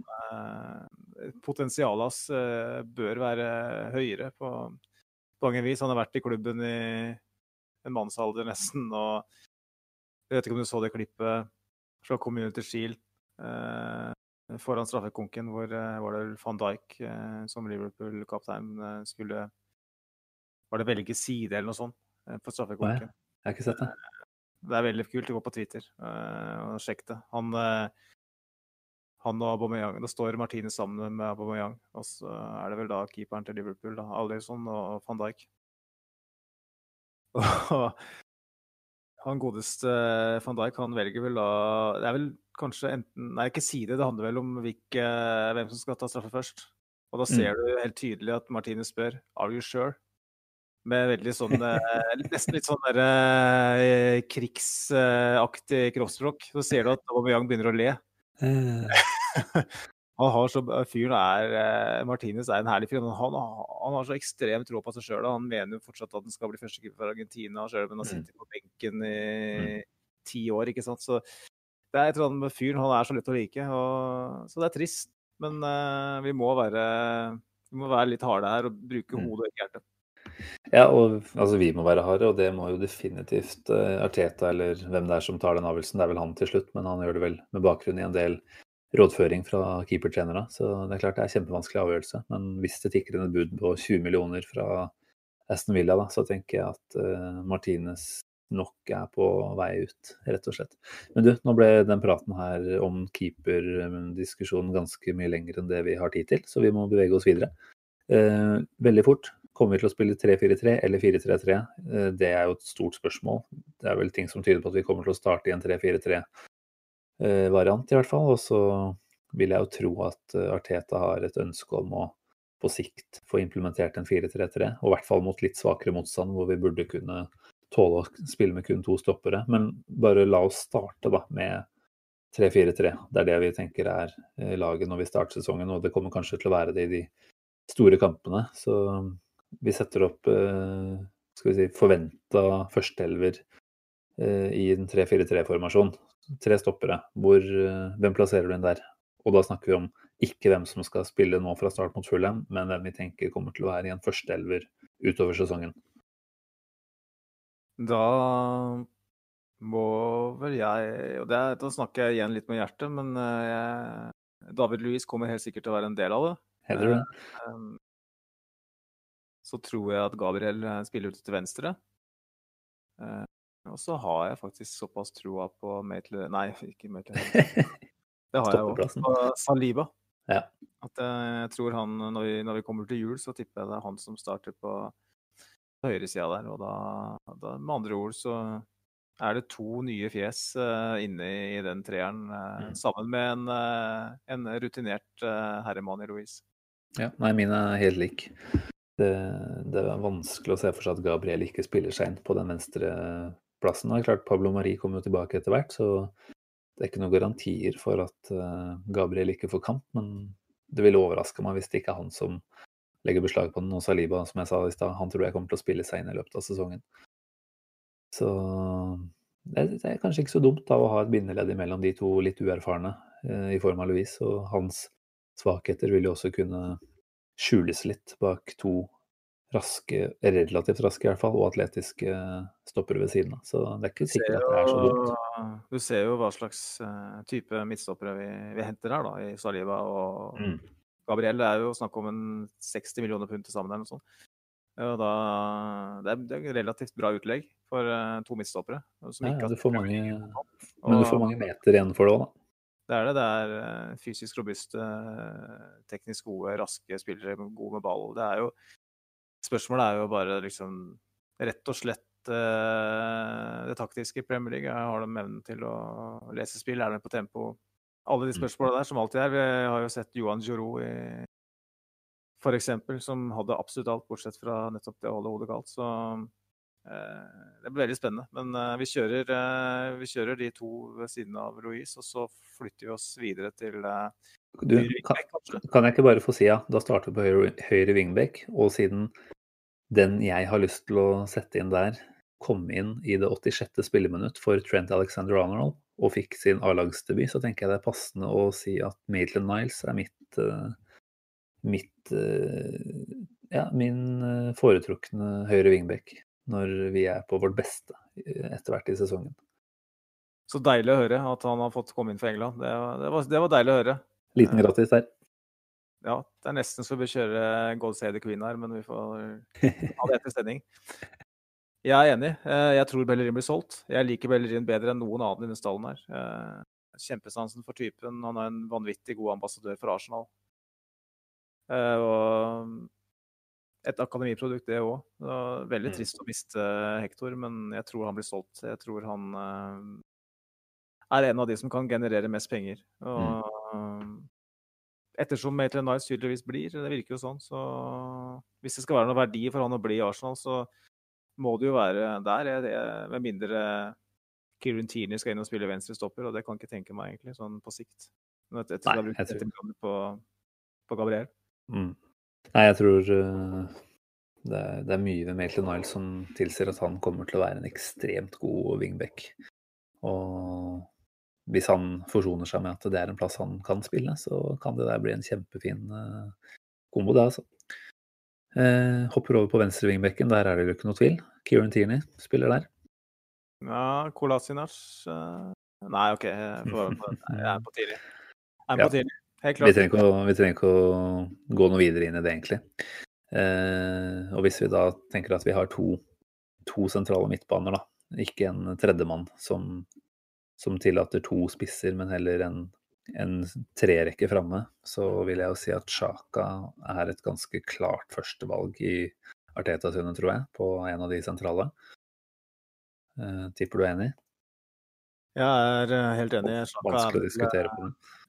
Vans ja, altså Han er ja, med unntak av uh, Aubameyang, den viktigste spilleren vi har. Mm. Og det er jo Altså det er bare å sende, sende sjampis og roser og håper å si selbevåter eh, i, i postkassa til, til Sjaka. For det, det, det, er en vanvittig prestasjon å komme tilbake fra mm. den situasjonen han var i. Og han, eh, han, er selvskreven. og ved siden av han så er det heller ikke noe tvil i mine øyne hvem som bør spille, hvis vi ser, går ut ifra at vi har de spillere vi har i dag eh, mm. når vinduet stenger. Det er jo en, en trollmann fra Madrid. Måtte vel nesten bli han. Jeg trodde ikke du snakka om Elneni, selv om han uh, har fått et par opptredener nå og var relativt god mot Liverpool. Så han er vel i beste fall en backup godeste Elneni. Så Ceballos eh, og Sjaka viste at de hadde et eh, godt partnerskap på gang utover fjorårssesongen. Så det håper jeg de får fortsette å dyrke. Uh, ja, da er vi enige. Uh, Venstre i treeren, der trenger vi ikke å gjette engang. Der starter Aubameyang. Så enkelt er det.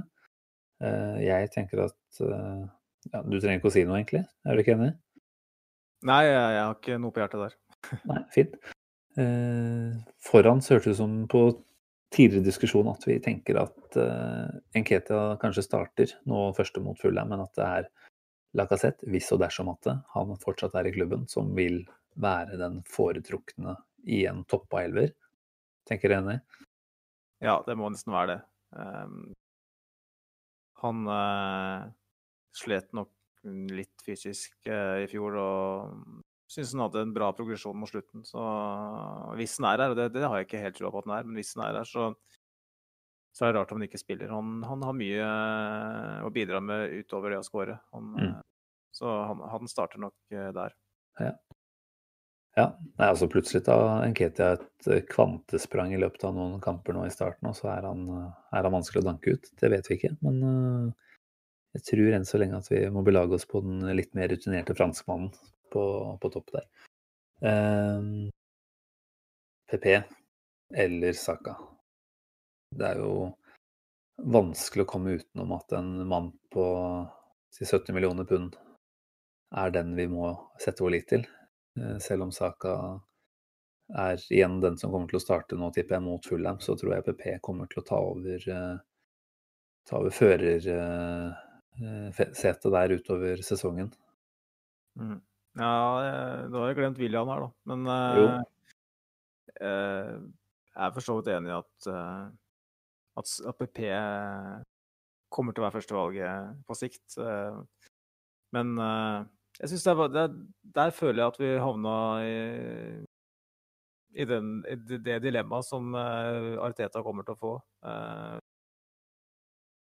når vi etter hvert skal begynne å komponere en elver uh, som skal være hva skal jeg si, bedre i de kampene mot uh, presumptivt svakere motstand. Da. da.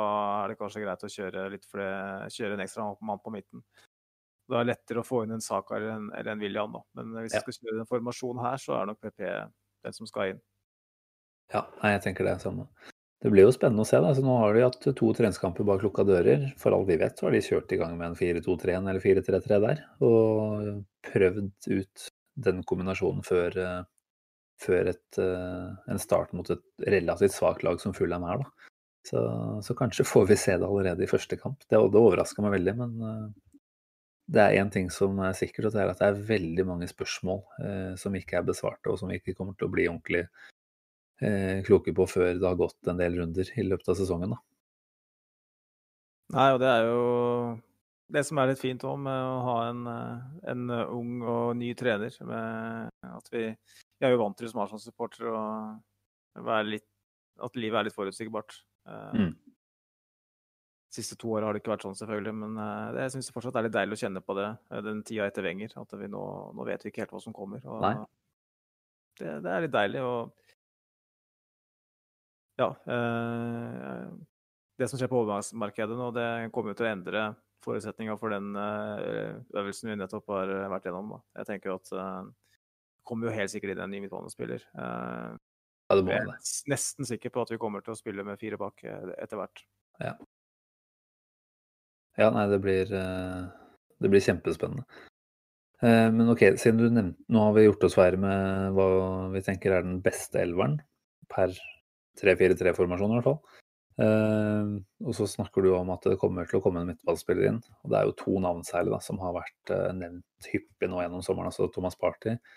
Lagt min elsk på han fra lang tid tilbake og hele veien drømt om at han Eh, blir en del av Arsenal, og det gjør jeg for så vidt fortsatt. Men jeg ser jo at eh, linkene eh, til han ikke nødvendigvis har blitt sterkere, samtidig som vi har blitt linka kraftigere til Hosem Awar i løpet av de siste ukene.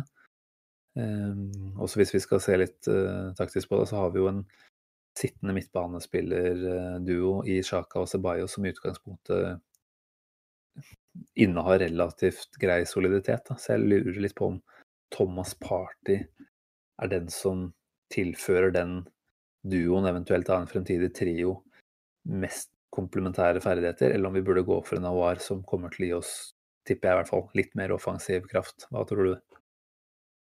Jeg syns jo egentlig at vi burde gått for begge to.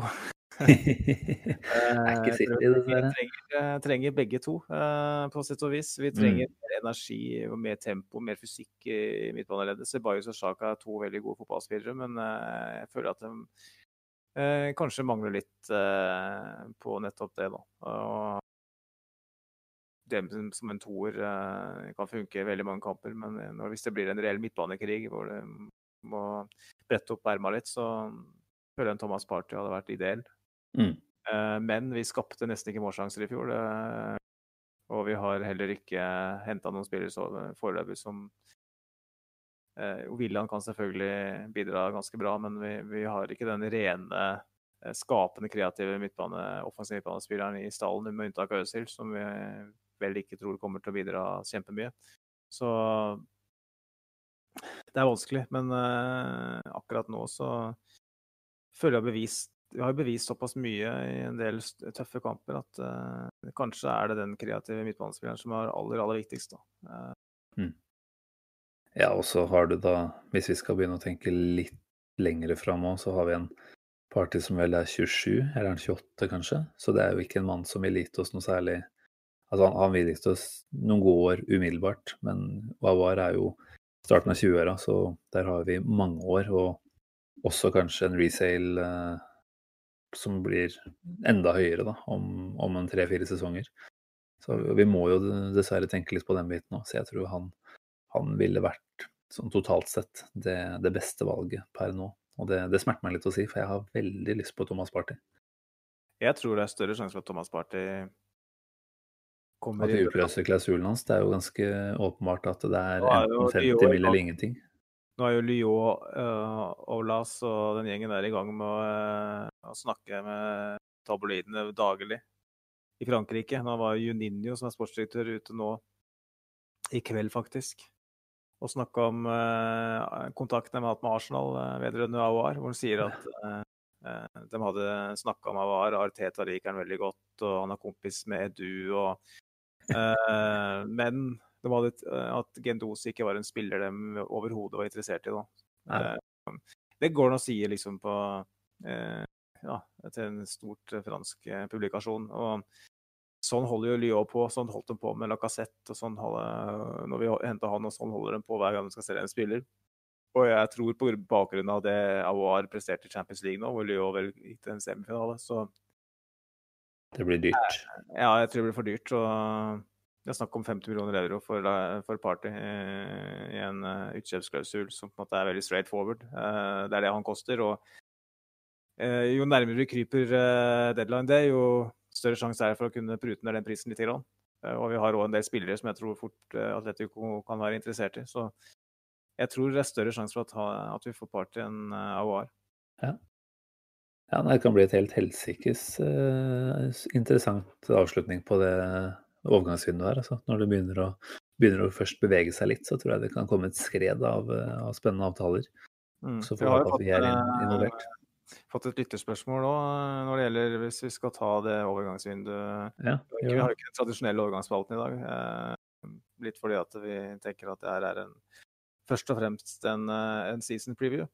Og jeg har fått et spørsmål fra Daniel Bredesen på Twitter. Eh, han eh, spør hvordan vil dere si overgangsvinduet til Arsenal har vært så langt, sammenligna med de andre topp seks-laga? Og er bredden god nok for å komme topp fire? Vi har jo Altså, vi har jo snakka litt om eh, det med, med topp fire, og at Chelsea og United eh, vel har Ja, spesielt Chelsea har eh, større bredde. Eh, og du kan heller svare på det første spørsmålet, tenker jeg. eh, Hvordan overgangsvinduet til Arsenal har vært i forhold til de andre topp seks-laga. Det er jo det er vel egentlig bare Chelsea som har uh, handla mye. Mm. United har henta van de Beek, eh, van de Beek og eh, Tottenham har vel henta Høibjerg og Dowerty, uten at det skremmer meg all verden. Nei, det- nei, jo, jeg tenker eh, bredden vår i utgangspunktet, selv om vi selvfølgelig gjerne skulle hatt enda litt flere S, vil jeg si var ganske bra. De fleste steder, bortsett fra sentral midtbane, selvfølgelig. Eh, så ja, nei, altså det, det mangler én eller to brikker for å gjøre det overgangsvinduet her meget bra, da. Så jeg kan godt rulle en eh, terning på, på i hvert fall, hvert fall en sterk treer. og Kanskje en svak firer, da. På det vi har sett så langt. Mm. Men det, det, det, så spørsmålet går ut på å sammenligne med de andre. Da. Jeg syns jo at vi har gjort mer enn uh, United. Vi har gjort bedre signerer enn Tottenham, uh, føler jeg. Vi har uh, Liverpool har ikke gjort Har henta han Bekken fra Olympiakos, så det er vel eneste. Så det er jo egentlig bare Chelsea og, og City, City, ja. De har henta Ferran Torres og, og Ok. Ok, ja, stemmer. Um, så jeg syns ikke at vi har, med unntak Chelsea, som uh, igjen uh, spyr ut rubler fra sitt russiske hovedkvarter, uh, så syns jeg vi ikke står noe tilbake for de andre, i hvert fall. Eh, og vi har eh, fortsatt eh, tydeligvis planer om å gjøre mer, så sånn sett så syns jeg vi ikke har eh, Men det er helt klart at vi har jo mindre eh, økonomiske muskler enn eh, de fleste av de vi konkurrerer med. Så det er spennende når vi kommer til, eh, til oktober, så er jeg, jeg tipper jo at Arsenal ikke kommer til å bli nevnt som noen overgangsvinner. Eh, Selv om kanskje når vi kommer til mai igjen, så kan det godt hende at, eh, at, at businessen vi har gjort, kanskje er smartere. Viser seg å være gode. Mm. Ja, for jeg, jeg tror ikke det er for dumt det vi holder på med. Jeg tror det virker Nei. Jeg har vært kritisk til William-signeringen, men det, det er jo først og fremst fordi at han er 32 og eh, har fått en treårskontrakt. Eh, jeg tror jo at han kan bidra positivt denne sesongen her, og jeg tror Gabriel er en, en veldig smart eh, signering som passer profilen til eh, Ariteta. Ceballos tilbake er en no-brainer, så Ja. jeg syns ikke det er dumt det vi holder på med. Nei da, jeg støtter deg i det. Altså. Det, er, eh, det er selvfølgelig greit å sammenligne oss med, med de andre, og da, da ser det ikke så gærent ut. De gjør ikke det. Um, nå går klokka fort her. Vi må vel egentlig begynne å nærme oss eh, tabelltips, vi. Hvis vi noen skal kunne komme oss i mål før vi har eh, før vi setter i gang med ny sesong på lørdag. Eh, så jeg lurer på om eh, vi bare skal si det så enkelt som at vi setter opp eh, vi, vi tar topplaget, da. Vi drakk hele tabellen, og så, og så setter vi opp eh, topp seks, topp sju. Hvordan gjør vi det? Skal vi starte på topp? Skal vi starte på bunn? Skal vi starte med ett og ett lag, bare? Vi kaster inn der. Kan vi ikke bare kjøre eh, fra toppen eh, ned til sjette, da? Og så kjører vi eh, Jeg kan jo starte med hvem jeg gjetter Gjetter at det ender opp som Premier League-mester, da. Da tror jeg nok at Pep Guardiolas menn er ute etter en revansj, og at Liverpool kanskje er noe fornøyd etter eh, å endelig få kloa i det Premier League-trofeet siste, siste sesong. Hva tenker du? Jeg har Liverpool på topp. Eh, eh, Du har det? City har selvfølgelig eh, et revansjesug eh, i magen nå. Eh, får de inn Kolibali i tillegg der, så kan det bli veldig bra. Men jeg føler at den begynner å bli en viss slitasje etter fire år med Guardiola. Pågående generasjonsskift. og Liverpool Ja. sin stamme er mye mer satt. Den virker å ha spillere i sin beste alder. og Jeg er redd for at vi får et, eh, et, en lengre periode med Liverpool nå, så jeg setter dem øverst. Mm. Sitter på andre. Ja, nei, Så det, ja, da vil jo de to bare bytte plass i, i hvert vårt uh, neste tips, tenker jeg. eh, Enkelt, enkelt og greit, det. Ja, nummer tre, da. Der må jeg jo si at eh, Og jeg syns det er verdt å nevne at vi la ut en, eh, en avstemning på Arsenal Norge sin, eh, sin gruppe. Eller Arsenal Norway, som det heter. Eh, Fikk vel en, opp mot 200 responser der, hvis ikke jeg tar helt feil. Og jeg tror vel ca. 50% av de hadde Arsenal på tredje- eller fjerdeplass, som var det alternativet. Jeg har personlig planer om å sette oss på en tredjeplass, jeg. Det er jo optimistisk, men jeg klarer liksom ikke å gå inn i en ny sesong uten å være optimistisk. Og, å tro noe annet enn at det blir en topp fire-plassering, det blir deprimerende, rett og slett. Og da, da setter jeg min lit til at Arteta får det laget til å fungere så optimalt som mulig, og at det faktisk skal være nok til en tredjeplass. Er du like, like håpefull? Fallhøyden blir jo høy, eh, men eh, jeg er enig. Jeg setter Arsenal på tredje med den forutsetning at vi får inn en, eh, en ny midtbanespiller. Så og det tror jeg vi gjør, så da setter jeg oss på tredjeplass. Fair. Ja, nei, Vi har jo snakka mye om oss, så jeg vet ikke om vi skal utbrodere mer. Men jeg vil bare nevne at selv om jeg setter oss der, så er ikke det nødvendigvis en helt 100% sånn Det er ikke noe krav, da. Så jeg kommer ikke til å rive Arteta ut av, av sjefsstolen her hvis, hvis det blir en en dårligere plassering enn som så. Men uh, jeg syns vi, vi, må tillate oss å være litt uh, optimistiske etter det vi har sett, særlig av uh, Arsenal mot storlag. Så får vi håpe at vi knekker, knekker koden mot de litt, litt, dårligere også, så skal det bli ganske bra totalt sett. Ja, og det, det handler jo om det, og det handler om at Frank og Ole Gunnar ikke er navn som gir oss buksevann. Mikkel klinger bedre. Det. Det, det. er bedre. Absolutt. Men jeg må jo tross alt si at uh, fjerdeplassen tror jeg nevnte Frank tar, da. Tror at det laget han får å leke seg med, uh, kommer til å leke godt nok selv uten hans uh, nærvær på tribunen, nei, på benken. Så jeg tror at det blir, det blir nok til å gi Chelsea nok en, en topp fire-plassering. Mm. Da er vi litt uh, uenige der. Jeg tror faktisk at vi, mm. vi får en uh, norsk uh, trener i topp fire i år òg. jeg tror Solskjær kaprer den fjerdeplassen. Det er vel det norske medier ville skrive, i hvert fall. At Solskjær har tatt fjerdeplass. Ikke United. men Nei, jeg har ikke sett noen tabelltips uh, ute, egentlig, var helt ærlig. Mer en antydning til at, en hentydning til at uh, at alt som handler om United, det handler om, eh, om Solskjær. Så, og det var ja. sånn at hvis uh, Hvis uh, i topp fire-match, topp fire-bruduljen i, i, nå i sommer Hvis det var noen som skåra et mål mot Chelsea, f.eks., så sto det på VG at si Marlon Harewood ga ordna Solskjær hjelp.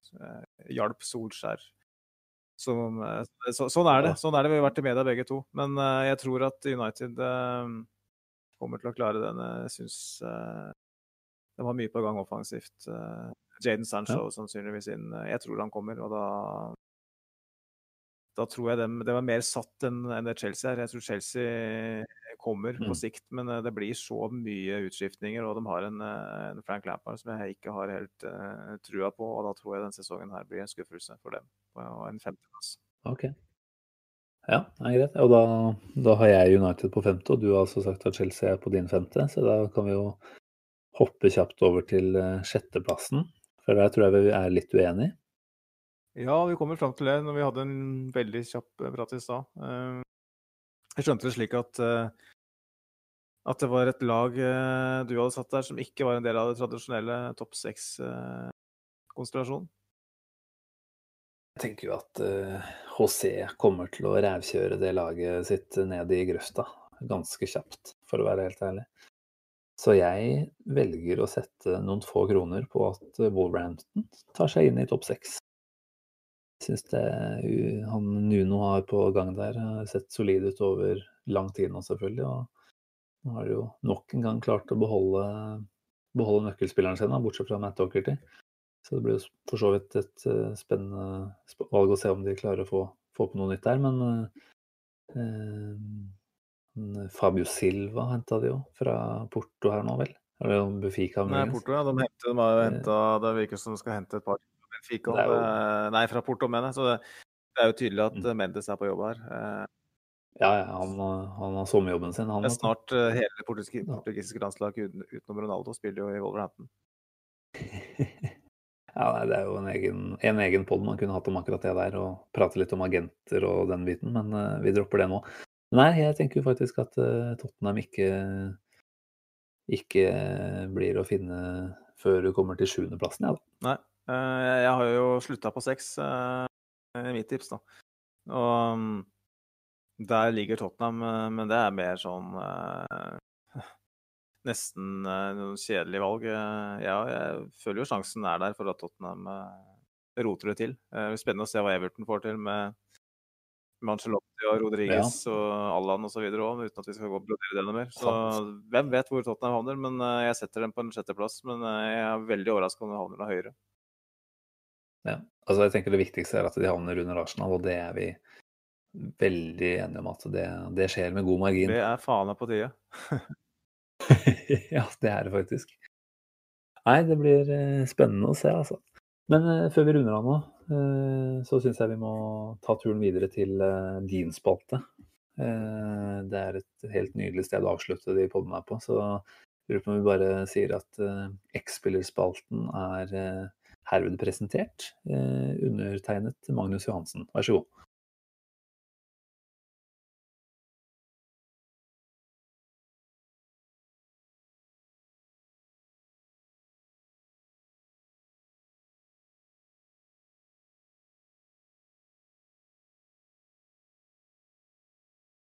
Tony Adams, Saul Campbell, Colo Toré, Ashley Cole. I sitt første tiår i klubben hadde Arsen Wenger en takknemlig jobb når han skulle sette opp sine forsvarsbarrikader. Det var ledere, det var beist, det var spillere som la livet i potten. Hedelsbetegnelsen One Nil to the Arsenal fikk leve til godt ut på 2000-tallet. Selv med Eboe på høyre bekk og omskolerte Flamini på motsatt side, kunne de Arsenal ri på ledelser som få andre. Noe veien til Champions League-finalen i 2006 er et solid bevis på. Boring, boring Arsenal skulle imidlertid snart være historie. I alle fall fra de argeste rivalenes perspektiv.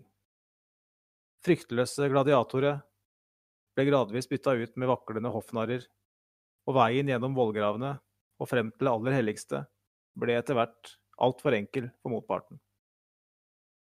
OK, hoffnarrer var å dra det langt, men det er utvilsomt et knippe av Arsenals forsvarsspillere siden 2006 som fortjener denne beskrivelsen. Dagens utvalgte X-spiller er kanskje den største narren av dem alle. For det hadde ikke vært noe å si på om denne mannen iblant hadde møtt opp til kamp med tresko og bjellehatt. Han ble, som mange før han og etter ham, henta inn for å bidra med sårt tiltrengt rutine og kløkt i ei forsvarsrekke som slet med å opptre som et kollektiv. Fra sin posisjon utover bekken skulle han bidra defensivt, men også offensivt. Men sistnevnte gikk tålelig bra, ble primæroppgaven, forsvarsspill, totalt neglisjert og den ukonsentrerte men smilende nyervervelsen. Med flere landskamper for en ikonisk fotballnasjon forventa vi uendelig mye mer. Etter 2-8 på Old Trafford forventa vi uendelig mye mer av spilleren som ble henta i kjølvannet av massakren. Vi fikk mindre. Vi fikk noen elegante raid og noen flotte skåringer. Med dertilhørende dansenummer men det ble beholdningen på kontoen for pluss. På minuskontoen ble innskuddene kolossale. Ute av stand til å markere, ute av stand til å lese spillet, ute av stand til å følge mann. Utrent, lat og ukonsentrert. Fotballtalentet var åpenbart, men fokuset og motivasjonen var vel så åpenbart fraværende. Og som om, og som om ikke det var nok, var fokuset utafor bana vel så fraværende.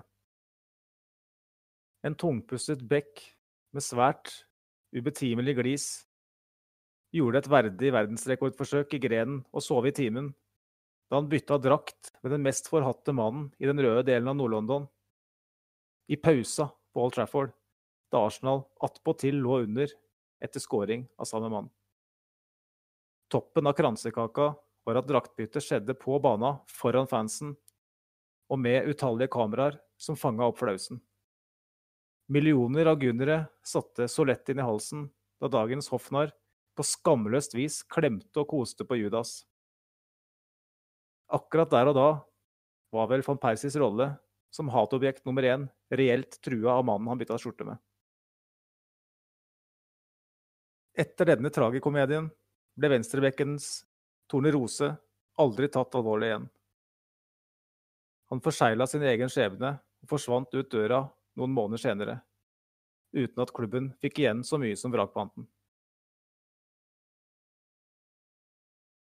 fikk han imidlertid igjen på bilen sin, som han måtte selge noen måneder senere. Må, noen måneder senere, og noen uker før amatørenes aften på Old Trafford. Vår mann fikk Petter Northugs Porsche til å fremstå som ei sinke da han dundra gjennom London i 233 km i timen i 70-sona. Arsenals venstrebekk ble fotgjenger, uten at det virka som det hjalp på kondisen. Etter tida i Arsenal fortsatte ferden videre til Brasil og Flamengo, uten at det hjalp nevneverdig for vår, vår manns renommé. Man skulle kanskje tro at bunnen var nådd da han bytta til seg van Persies drakt, men det var bare forsmaken. I Flamengo gjorde han en så svak figur at han ble fysisk angrepet av en horde av sine egne fans.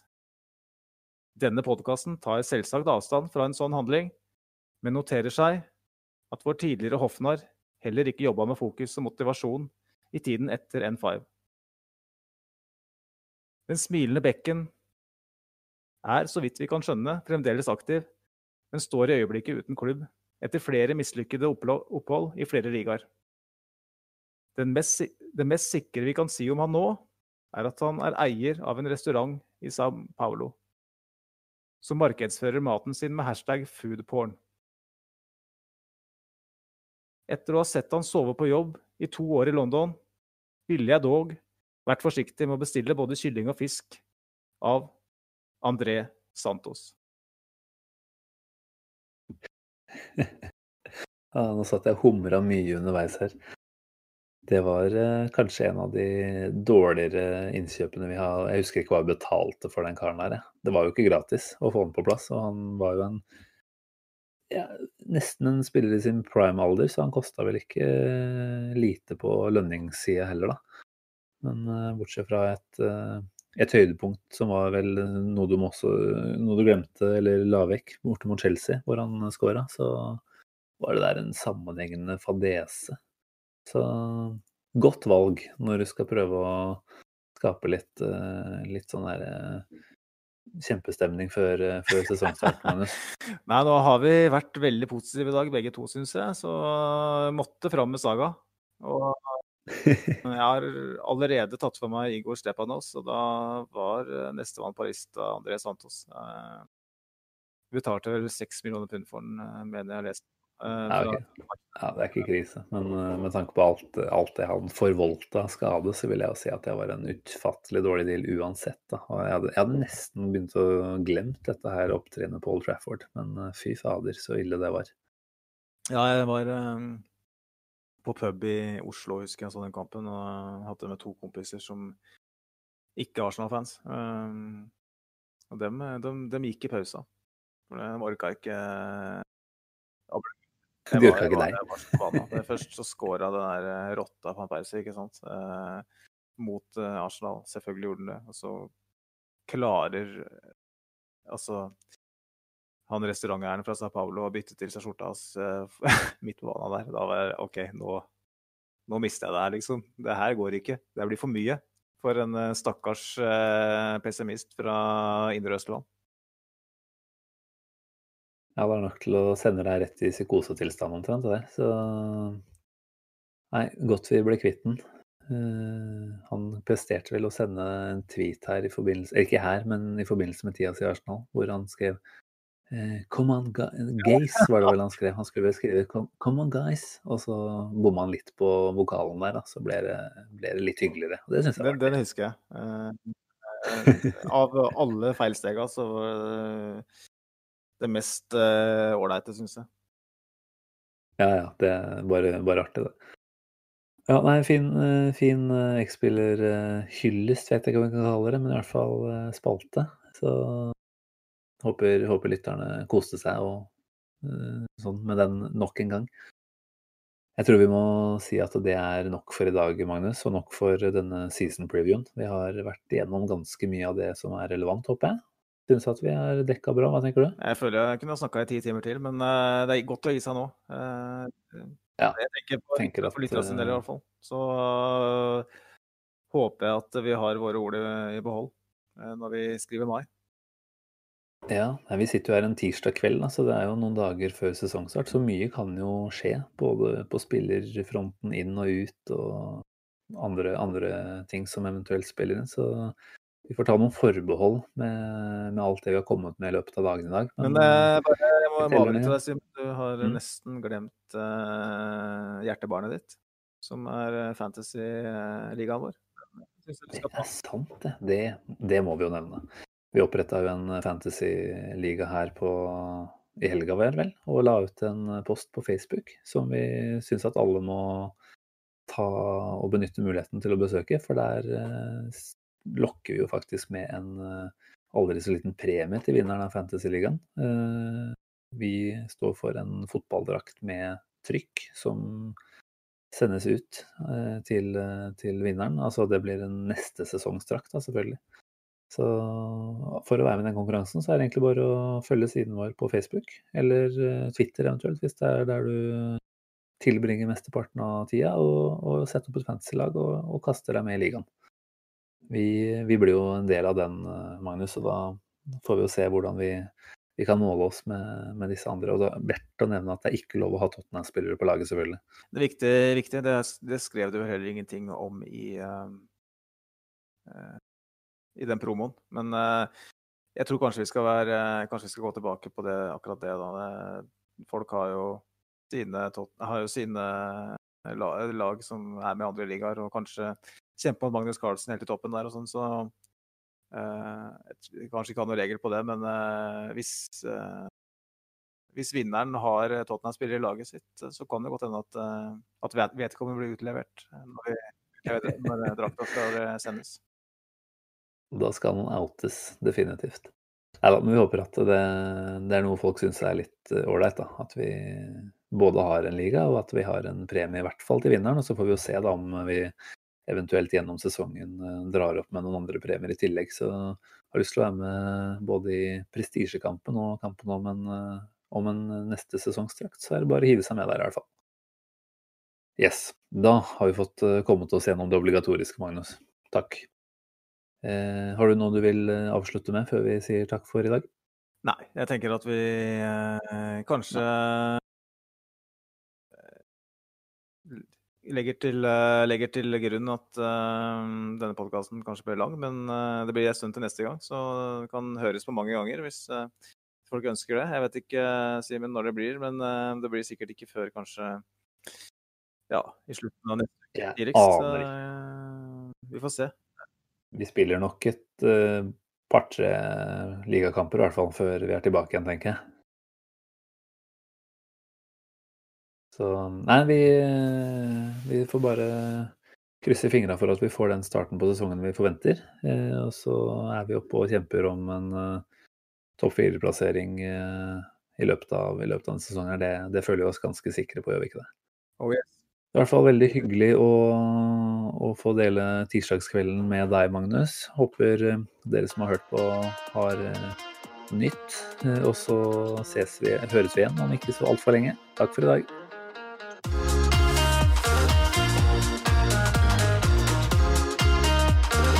This train terminates here.